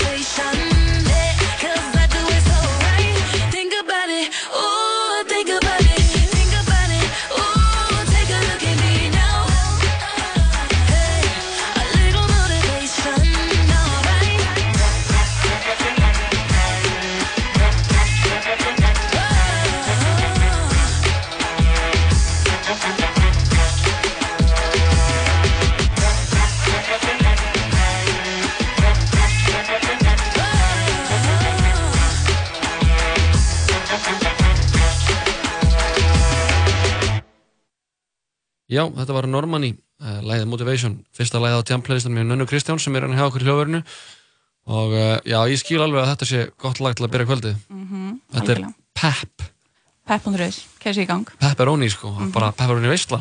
mm. Það. Gott er brettið ábygglega líka. Já, það er góð taktu til að hlaupa sko. Já, Það maður er bara eitthvað, bara eitthvað fucking jogga við þetta á brettinu og hugsa um kvöldið. Nákvæmlega Það er svo mikið- Allir það að tjami kvöldið það? Já, ég held það Já, Ég er að vera- Ok, Lóa? nei Nei Nei? Nei, mikið að gera hjá mér Já, Það er stundið hann Já, stundum er það bara hann og maður getur eiginlega ekkert gert í. því. nei, mitt um, Já, það er komin til svo mikið af hann að koma út svo mikið af svona gælutónlist sem fjallar um kynlíf mm. Fjallar þetta lag um kynlíf? Motivation Já, þetta er gert svona um í grunninn Jú, Er það ekki? Jú, í rauninni. Æ, ég sé bara eitthvað, fór að hugsa um þetta þegar Rihanna var artist of the decade hjá mér á Spotify. Já. og ég var eitthvað, vá hvað mikill brautir hann í þessu. Er það sant? Er það ekki? Hún alveg Jó, Hún svona var- kannski verið- ákveðinni tegunda svona opinskári svona Hún byrjaði og svo Eh, fór? Beyoncé Hæ, ég sagði Rihanna. Með þessu Ariana Grande. Ó, ég var að meina Rihanna. Vá, ég hugsaði Rihanna. En þú sagðir kannski Ariana Grande. Nei, ég sagði Ég Rihanna. er bara Ég kannski- Ekki Ariana. Ég sagði Rihanna Já, já. Það hljóm, en já, ég var bara að segja Einmitt. Rihanna Já, skulum ekki festa okkur í þessu Nei, misskilningi. æ, já, ok Allavega, þú veist, ég fór bara að hugsa um bara eitthvað, þú veist, hvað það er mikið þeng núna, sko mm. bara mikið af pop tónlistastjörnum eitthvað, gælum eitthvað að vera sexy Já, að ríða. Já, eitthvað Og tala um gælur að ríða frængu sinni. Gælur elskar að ríða Eins og Mozart. Þetta er eitthvað wave sem að Mozart startaði Hann startaði þessu. Feminist icon En uh, það komið að næsta lagi Já Er það ekki? Jú, endilega ég, Það er Babysitter með Da Baby Þetta fíla þetta baby, já. Já, ég er fíl Da Baby, sko Hann, þetta er alveg búið árið hans. Já, daldum ekki 2019 Hvenær Og hlustar á þetta lag? Þetta er bara svona háfundi Djamsins Hápunkti djamsins, Já, ég já. hlustaði mikið á þetta í Króti í sumar Því ég var í útskjötaferð Já, Þannig já. góða minningar sko. Gæðut. Ég held að okkur sé ekkert að ámbúnaði. Þetta eru þeir, Da Baby og uh, Migos bróðurinn, Offset, lagið Ú. Babysitter. You know I ain't come to play, let's get it up. Snapping off the rip. Yo, say I'm a favorite nigga. You probably don't wanna let your baby mama take a picture. Why? Cause I'm the type of baby that's gon' fuck the babysitter. Ah. I just did a show and put up laughing on a hating nigga. Them bitches hit me, they drop ass. I'm on these rapper niggas' ass. I put in 40 out, he better have an angel with him. Ah. You tryna book me for a show, you gotta pay me before I go. We feed the family, I ain't got no time to play with niggas. See? I see these niggas think they tough, you play with me, you know it's up. You think it's sweet, then call my bluff and I'm a spanking nigga. Fuck all them niggas and whoever they got hanging with 'em. Bitch, I'ma die of old age whenever I die. What gon' do? Walk down on that nigga. Fuck a drive-by. Yeah. This bitch came in with me, but she ain't mine. She not mine. Free my cousin till he free. He doing time. Let him free. I'm the motherfucking best, but I'm not Cali. We the best. She like how I be dressed and ain't no salad. Uh huh. Can't fuck with her, she messy. That's a hazard. Oh no. Tell the ref to blow the whistle. That bitch travel. Fuck all that talking, we bout action. What we bout? You got a son, you play with me, your son a bastard.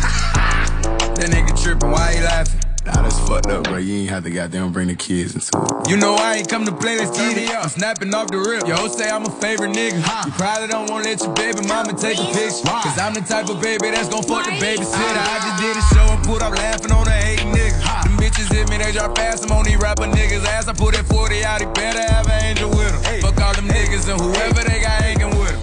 Bitch. Shawty wanna be famous, don't it? Who? Said that she want a paddock with her name up on it. Paddock, paddock. You gotta fuck on the op and get them painted, earn it. I'm dripping, I slipping my socks, got Gucci gang up on them. Dripping them, dripping. Squeeze, defy, make them back, back, back, back. She got fleas, she fly, she's a nat, nat, nat, nat. I'm on lean, I get high, she on batch, I can't match. I got fiends in the line, shipping the packs out the back. I did the impossible. I read the defense, then I had called the audible. Switch, look like a sequence. Llama keep at the back crawling in. They said I wouldn't be shit, so fuck it, I had to go hard again. Fuck 300 Sparta man. Sparta. I'm a barbarian. I'ma get my revenge. Broken the thought, not at the spot, don't tell her what car I'm in. No. Keeping my head above the water just like a shark fin. Shark. We got the narcs in. Chopper Clark in. Don't get boxed in.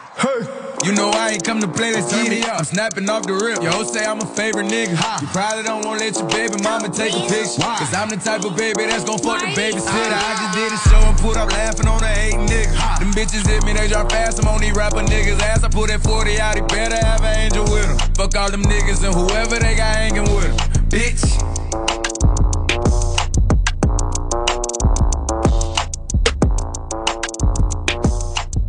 Já, þetta voru þeir eh, Da Baby og Offset, annar lagið á jam playlistanum hjá Nönnu Kristjáns. Þetta er peppalag. Mhm. Þetta er líka gott á brettinu, sko. Já, já, já. Hápunktur jamsins. Hápunktur jamsins og hápunktur brettisins. Er þetta það sem vilt heyra þá labra hann á prikið? Jep, algjörlega. Þetta er þannig lag. Það sem er svo geggja við Da Baby er hann sko byrjar alltaf að rappa strax og lagið byrjar. Mhm. Það er ekkert intro, það er alltaf bara... Bara sér bara, geðvikt. það kemur sér efninu. Við viljum, Það- við maður þarf viljum ekkert að hafa vera að þannig, sko. hangsa. Skilvirkni bara. Akkur, Skilvirkni. akkur að vera að hangsa. Akkur að vera að hangsa, ég spyr. Mm. Herru, við hefum eitthvað eftir. Já, ég, hérna, mér langaði aldrei að heyra Backseat með Charlie XCS Ú, og hún er best. hérna, Carly Rae Jepsen. Ok, Já, Carly Rae. Jepsen er líka, Það líka eru best. nefnilega Tvær, tvær queens. Carly Rae var eina fáum sem var ennþá bara from the past inn á playlistanum mínum. Hún er á öllum most played playlistunum mínum frá því að Spotify byrjaði að gera þetta. Hún er best Hún er og hún er sniðgengin. Hún er sniðgengin.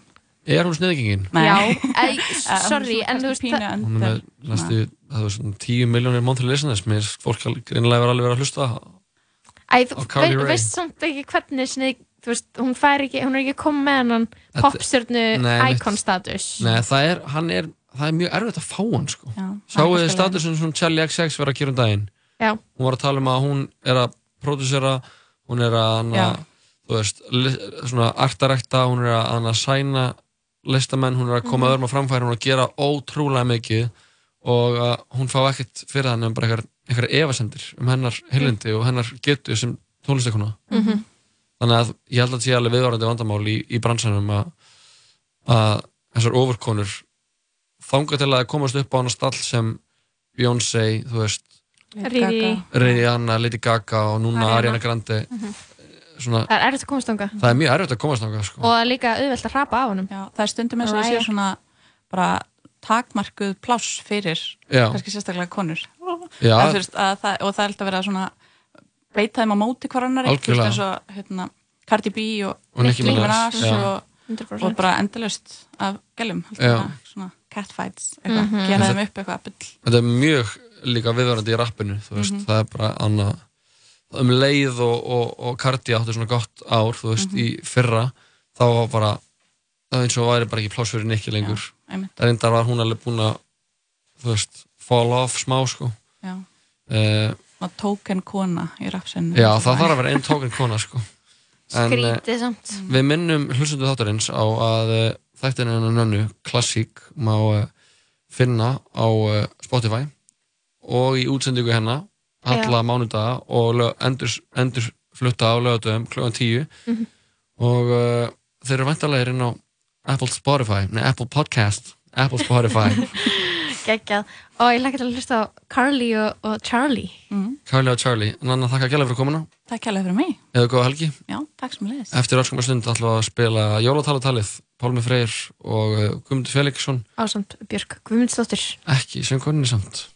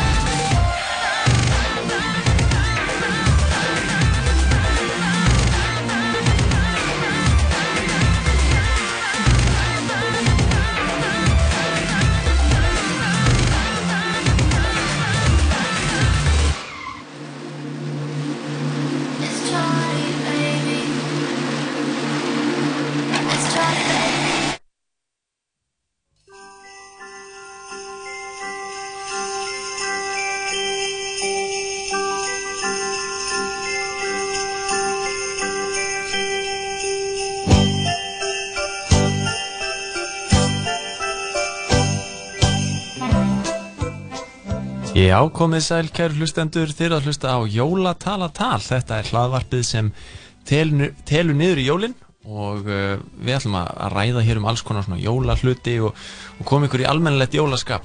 Ég heiti Guðmundur Felixson og uh, ég- venjulega er hann með mér hann Pálmi Freyr Haugsson en hann komst því miður ekki í dag vegna þess að hann er að, í sundi að jólaskreita sundlaug.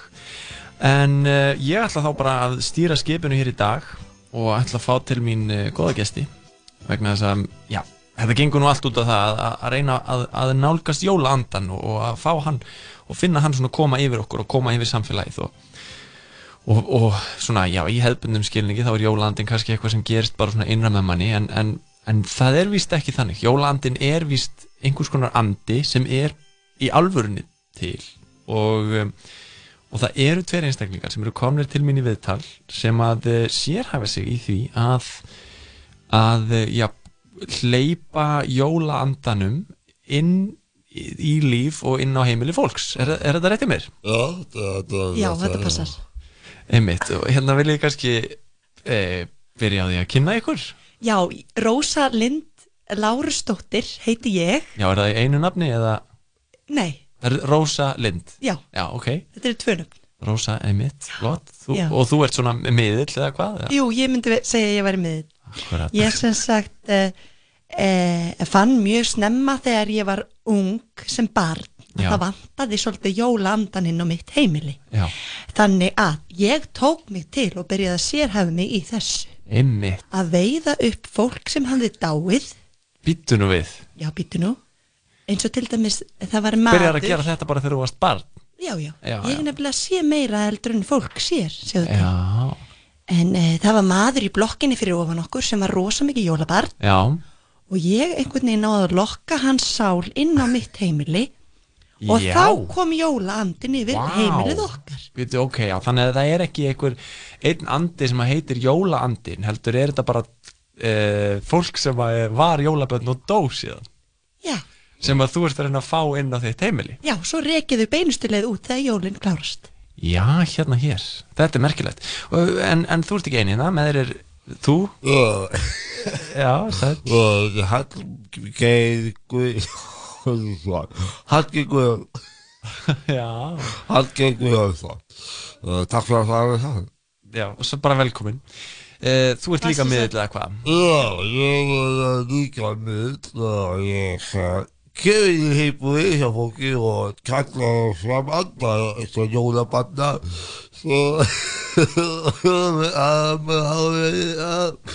jólabanna og það? Það sem Hallger er að segja er að hann er færasti særingamaður landsins þegar kemur að jólaöndum. Og Já. ég, við fundum leiður okkar hérna lágu saman þegar við kynntumst í gegnum Tinder. Já. Já, byrju þið eru saman Já. Ég, ég verð nú að segja að þið eru ekki mjög, ó, ekki mjög lík. Nei, en ég pröði oft opposite sex eins og það hefðist Já, já Já, við erum mjög ólík í útliti en lík í anda. og, og það við sagði ekki hann að tala um anda. En það er svo gott þetta þú dregur andana inn í húsi en ég fæði á í bustu það er það fyrirkomi fyrir að fyrirkomi það Já, ég skil, þannig að hérna, Rósa, þú nærði í handana, færði þá til að koma og það í burtu.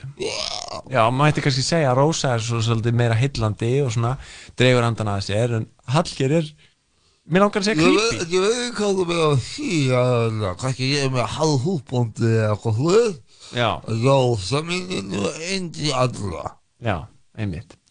Og, þið, og e, búið þið saman eða? Hvernig er það? Við sko búum í, í rauninni ekki saman en við búum á sama stegagangi, sjáðu til. Já. Já, ég skil, en þú sagðir að þið kynntust á Tinder. Já, við Já. kynntumst á Tinder, já. Svo fluttum við inn saman í sama stíðagong Býtum, já, þið búið í sama Já, hefur þið þetta Friends. Já. Það er Monica heimi inn í íbúð sem að ég er hérna heima annað þar og Joey er heima í hinn íbúðinni og það er hún heima. Þannig við erum bæði með íbúð fyrir okkur. Já. En eru samt saman Já Það er nefnilega, hérna, andarnir sækja svolítið í Hallgeir. Uh, og hann þarf stanslust einhvern veginn að vera að, að særa þá burt og, og ég einhvern veginn hef það ekki í mér. Ég sé bara þetta grei fólk sem kemur þarna að væplast inn Já. og ég bara vil, gjör svo vel að bjóða því velkomið. Já, í mína íbúð. Þetta er þessi anda skvottara sem að skvotta í íbúðinni. Já, þannig að þú ert með fulla íbúð af öndum, Rósa Já. Já, ok. Og daginn, um daginn ég var að heyra eitthvað svona, eitthvað hljóð úr íbúðinni, eitthvað stunu og ég var eitthvað, og ég ætlaði að koma inn, ég ætlaði kannski að andi verið að tripla hana. Og það er rosa háa stundur, stundur og ég reyndi að opna höruna en þá gæti ég ekki að opna hana og það var svo mikið öndum inn í íbúðinni, hann opnaði það ekki. Og Já. stundur þeir heldur áfram, það var allt í lagi með henni, það var bara eitthvað að stinja og hérna, en bara, íbúðin fulla af öndum og það ekki. og ég ger ekki upp á milli fólks Nei. Sko, ég hleypi öllum inn í mína íbúð þó að þeir séu gjörsamlega uh, styrlaðir af reyði eða svo mætti segja Já. að þá mega þeir samt vera heima hjá mér Og þú ert að tala um anda núna já, anda, já, Já, hleypir öllum öndin ég hleypi ekki fólki inn nei. Nei. ég er mjög, mjög, mjög mikið félagskviða Já, ég skil Það er ekki andakvíða nei. Þetta er svolítið svona einn gáman hjá okkur. Við erum ekki með hérna andakvíða. Ha? En er ekki erfitt að sjá alltaf þessa anda? Sjá allt þetta látna fólk hérna hér og þar? Jú, það getur stundum verið svolítið erfið Já. Já. Er til dæmis andar hér inn í þessu stúdíói? Ó, já. Já, ó, já, mikið Og eru, eru þeir aggressífur við þig? Já, það er búin að berja í snjá Er þetta búin að vera að berja í hnið á þér? Já, það er eitthvað tikla í snjá Það er eitthvað gaman gullgafa í Það er minn á gullgafa að dóta að berja í snjá mig Já. Það er ekki að það er andi Það er bara svolítið pílandi. Það er til dæmis einn maður, blóðugu maður sem eh, stendur beinust þeir fyrir aftur þig og er búin að uh, vera með hendunar utan um hálsinn og það er að kirkja allan tíman hann og ég er alltaf skilti Hann er með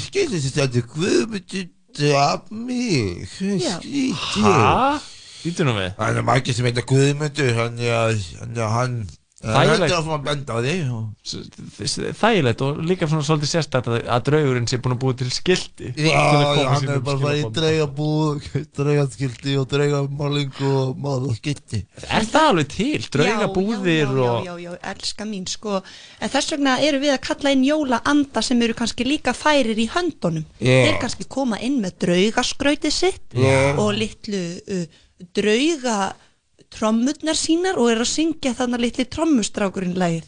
Já, já, það er skemmtilegt. Og endurskóandi nokkar, hann er draugur. Einmitt. Ég nefnilega hef lesið svolítið um ykkur, ykkar fyrirtæki áður en að þið komið hingað og ég, ég hef séð að þið eru mikið að starfa en, en hérna, það, þið eru búin að lenda í smá svona skattavesinni. Já, þetta er ekki Já. góður endurskóandi. Nei.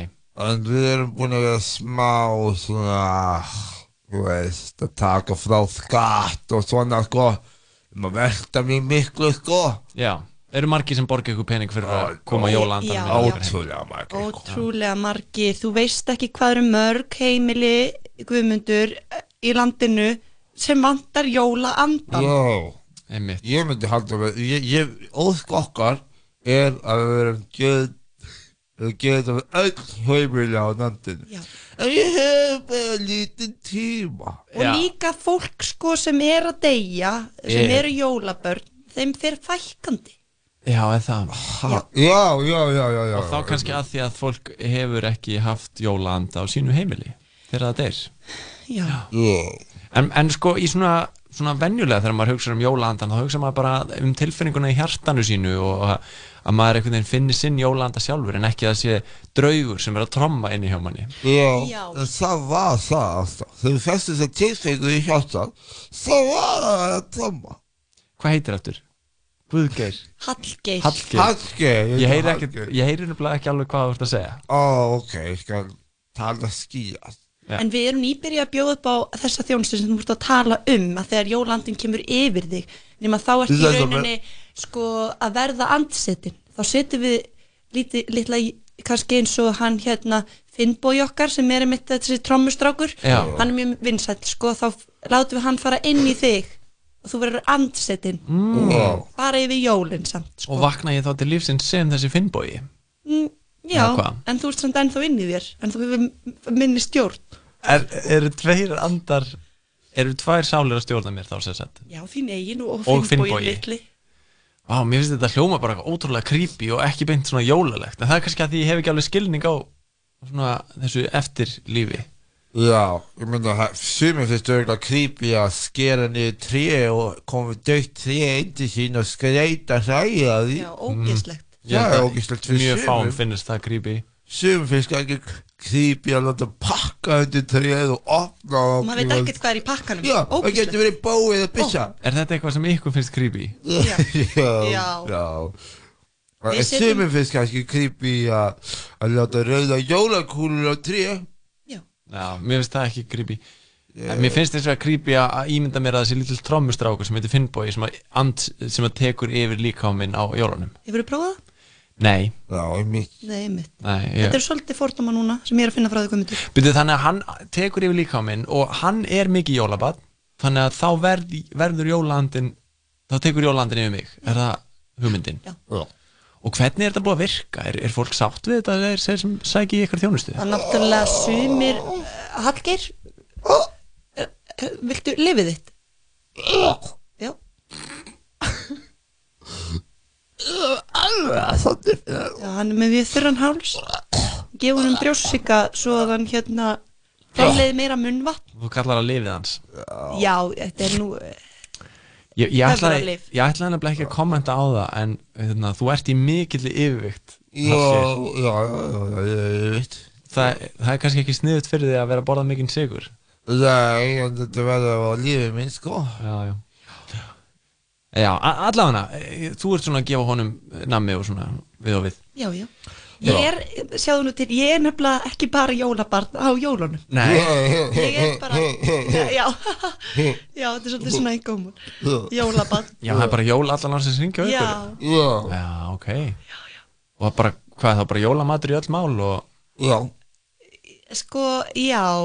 En eh, meira það sem ég er að meina er að Allkvöld Allan Allsensík og kartöflumús sem var í lítið pakka Vá Sér Það er bara sláin, uh, kveikja út af brungla 6 Ding, ding, ding. Alla daga? Já Og kveikjum á því sjónfinu Enga frétti Og það verður bara með spólu í tækinu Þetta er áhugavert, það er nefnilega jólalag sem er svona Ég vildi að jólin væru alla daga, eitthvað svona Ég upp á hljóðaði mitt, ég spila alla dag, alla dag Hallgeir, hann syngur stundu með því Ég vildi að jóli kæri Ég vildi að jóli kæri Alls í dag Nei, hvað hvað hvað Ég þið þykir að syngja jólalag Ó, ég vildi að jóli kæri Í dag Allavega. Guð, er klart Ég um jólin Látið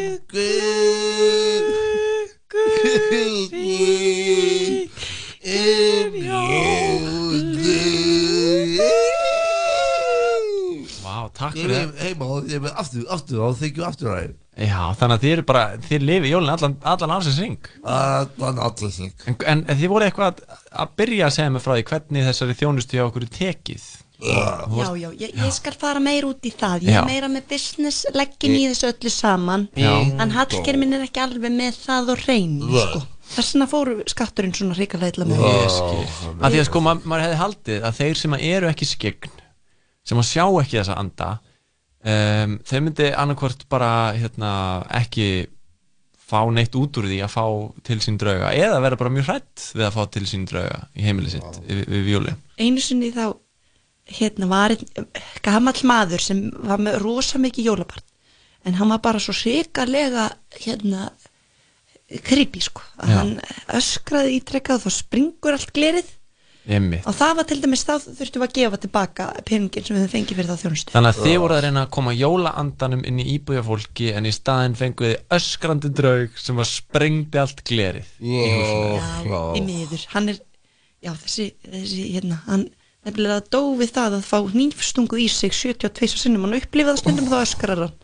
Ég skil. En hann er samt jólabarn, sjáðu Já. til. Við gerum ekki upp á milli. Einmitt. Við ættum að gera það Já, þið ættu kannski að hafa aðeins svona skýrar í svona valferli. Við gerum ekki, en við ættum að gera það. Já, þið ættu að hafa að svona, vera búin að svolítið að kynna ykkur draugana sem þið farið með í húsfólks Halda kannski atvinni við tölu eitthvað svo Já, það var kannski sniðut Drauga, jólaanda, atvinnum viðtöl. Já, Áður en þið setið þau í húsfólks. Já. Já. Já, en hefur þetta ekki líka stundum gengið vel?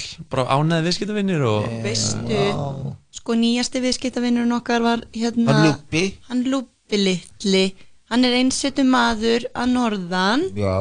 Í hérna Þorfinnstöðum Það getur verið örgulega erfitt, mjög erfitt að fá jólaandan þegar maður er einsettum maður. Og við fengum heilan kór sem lendi í rútuslisi Já. Sem syngur þá bara allan daginn Já. fyrir hann sko. Og stundum er það að syngja La la la la la la la. Passa á gulabílum Hann segir eitthvað svona út af þetta og ég rúti Vistu þá, Já. endur upplifa stundum þetta hljómar eins og þetta sé eitthvað líka mjög creepy að sé heill kór af draugum inn í það sem eru öskra passaði á stæðsemi á Ég er bara að reyna að skilja, þú veist, að því draugar fyrir mér er ekki það sama á jólaandin en kannski er það sama fyrir ykkur Kannski köllum þetta anda í staðan fyrir drauga þá er þetta betra fyrir. Já. Já, sko ég líka verð að segja eitt að það náttúrulega er ríkalegt síðan þegar við þurfum að reyka draugana út. Já. þá fer Hallgeir á stúfana með, og við þurfum að sjálfsögða að nota biblíuna. Já. Og bókina góðu. bókina góðu. Og því miður þá þurfum við að særa þau öll. Sumir fara til hel, helvítis. Ó, ég, vá, býtu þannig að þegar þið reykir draugar húsið þá þurfum við að senda það til helvítis ekki alla en, en sumir eiga heima þar En eins og þessi sem að öskraði þannig að glerið í húsinu brotnaði allt. Nei, hann var fórnalamb, hann Já. fór beinustu leið til til himna? himna. Mm. Ok, þannig að, þannig að ég skilji það rétt. Þetta að setja draugana í húsin hjá fólki er bara svona síðasta verkefni þeirra hér á jörðinni. Ekki nema þið standi sér mjög vel þá segir við, vertu hér þá býð ég þeim heim til mín, kannski þess næra allt tróð fullt, guðmundur. Já, þau fá að þess gista næra allt tróð fullt. Og svo hleypur þeim inn í húsi hjá okkur um nýjum. Já. eða inn í líkamann hjá okkur um öðrum eitthvað. Já. eins og Finnbói trommustrákur, hann býr bara heima þér Já, hann er skemmtilegur. Mhm. þó hann sé trommandi allan daginn, sko. Þess vegna er alltaf hald på jól og það húsi er fullt af jólaandum Eða húsi hennar, mitt er tómt. Einmitt. Ég, hérna, mér finnst þetta að fara að hljóma dálítið dálítið spennandi. Ok. Það væri á ég að særitn inn í þig? E, Núna bara? Já. mm, Ég ve veit ekki alveg hvort að ég er til í að núna. Kynna vöðuna í útarpinu ég get líka sært einn inn í mig bara núna þið viljið fá að tala við Fimbo og trommustrák. Hann er hérna með mér. Það væri kannski einfaldara. Já. Það væri kannski gaman. Þú getur þetta inn í annarkvæmt okkur sko. Já. Já,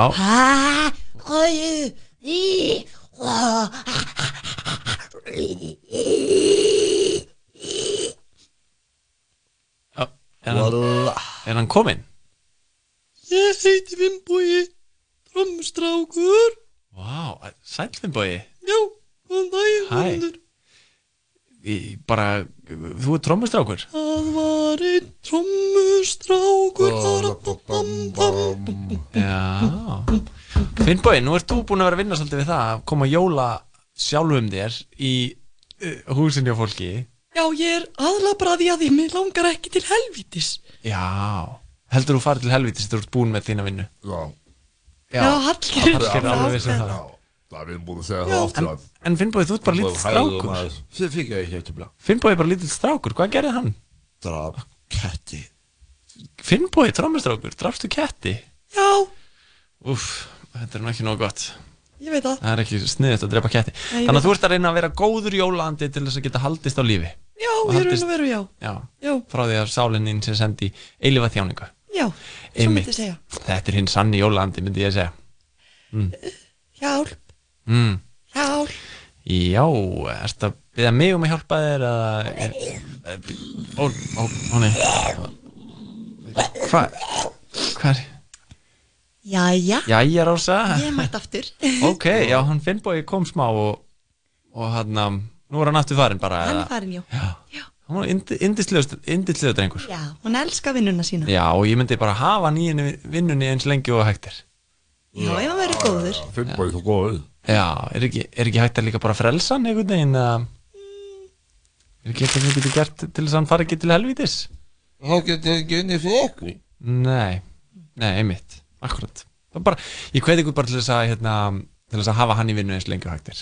Og, Já, ef hann verður góð strákur. Og ég hveti ykkur líka til þess að endurhugsa það að, að þurfa alltaf að senda draugana til, til helvítis því það er bara mjög vant og leðilegt Já. Er það ekki? Uh, Við höfum óvart sendt vittlust fólk niður og þá er það bara sendt tilbaka. Já, ok, það er bara skilað. Já. mm. Og við þurfum ekkert bóka fyrir það. Nei, nei, nei, einmitt Herru, uh, það er bara, ég óskar ykkur bara góðs gengis með þennan business Já. og vona bara að, hérna, að margir margir kjósi það að fá jólaandan í sitt heimili. Já, það vona ég líka, annars löndum við er, þurfum við mögulega að flytja í sömu íbúð? Já. Já, Annars segum við ekki hús annars segir þið ekki hús? Já. Nei, já. Ekki peningu, ég fær ekki hús. Þið þurfið kannski bara að flytja inn saman. Nei, nei, Þessi var góður. Já, já. Pasi bístaman Herðu, hérna, takk, bara, takk fyrir komin að jólatalatal Takk fyrir að hafa mig Takk Og hann fyrir. stoppið í síma símsýttu Hvað? Viltu segja síma nummer eins enn?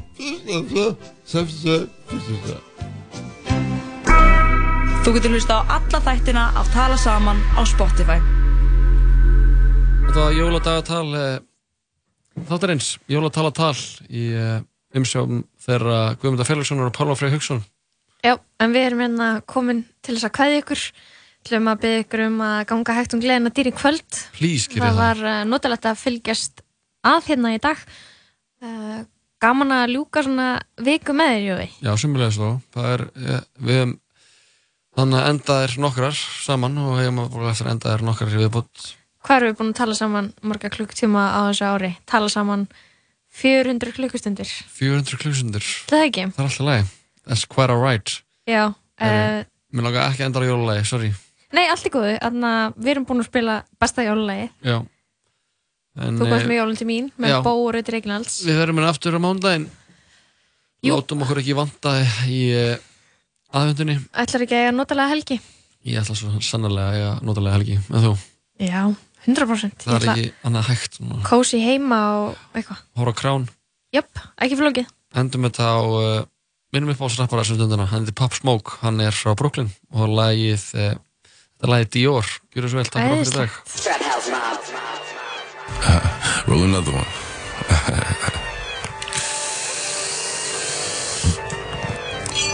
Sit up, never like you know it's special packet with the automatics. We gon' send them to heaven. Wait, wait, wait, wait.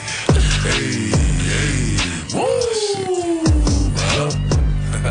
Oh, you feeling sturdy, huh? Feeling sturdy, man. Shake it, uh, shake it, uh, shake it, uh, shake it. She like the way that I dance. She like the way that I move.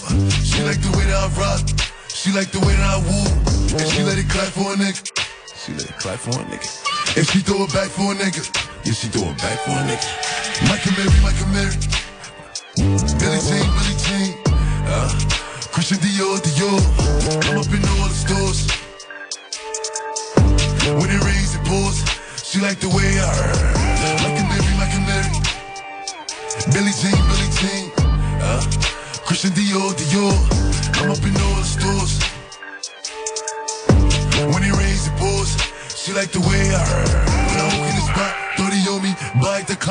I'm paid. Bitch, I'm a thot.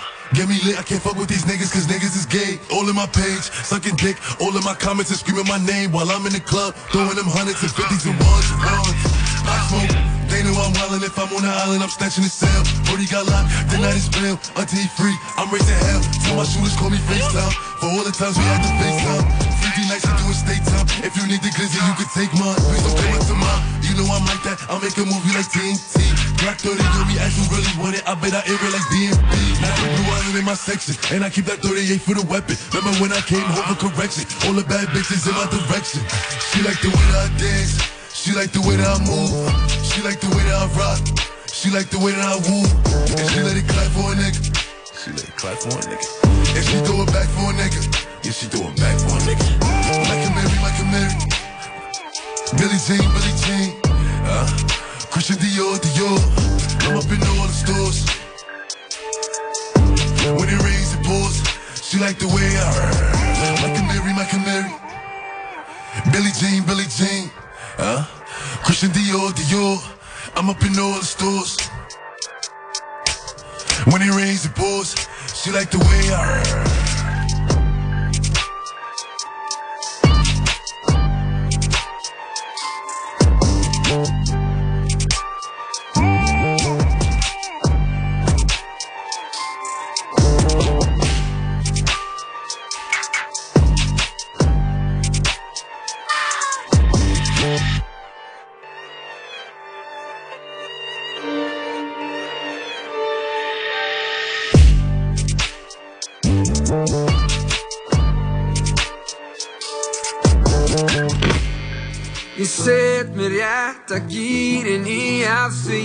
Það er komið helga frí Kanski bústa, kanski í partí. Það er komið helga frí Komdu með mér í, komdu með mér í helga Í helga frí, Komdu með mér í, komdu með mér í helga Í helga frí Já, meir en miljón fyrir skápið minn. Já, hún þakkir alltaf strákinn sinn. Já, Jói Chris leikur út um allt Já, og hittir alltaf sláinn inn. Er að vinna allar helgar svo að þetta er ekkert frí.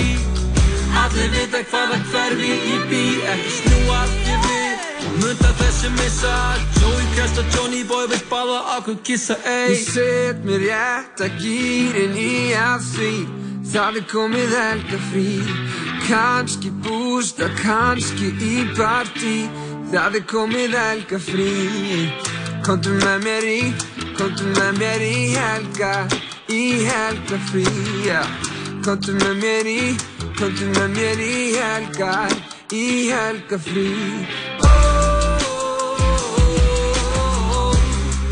Í helga. frí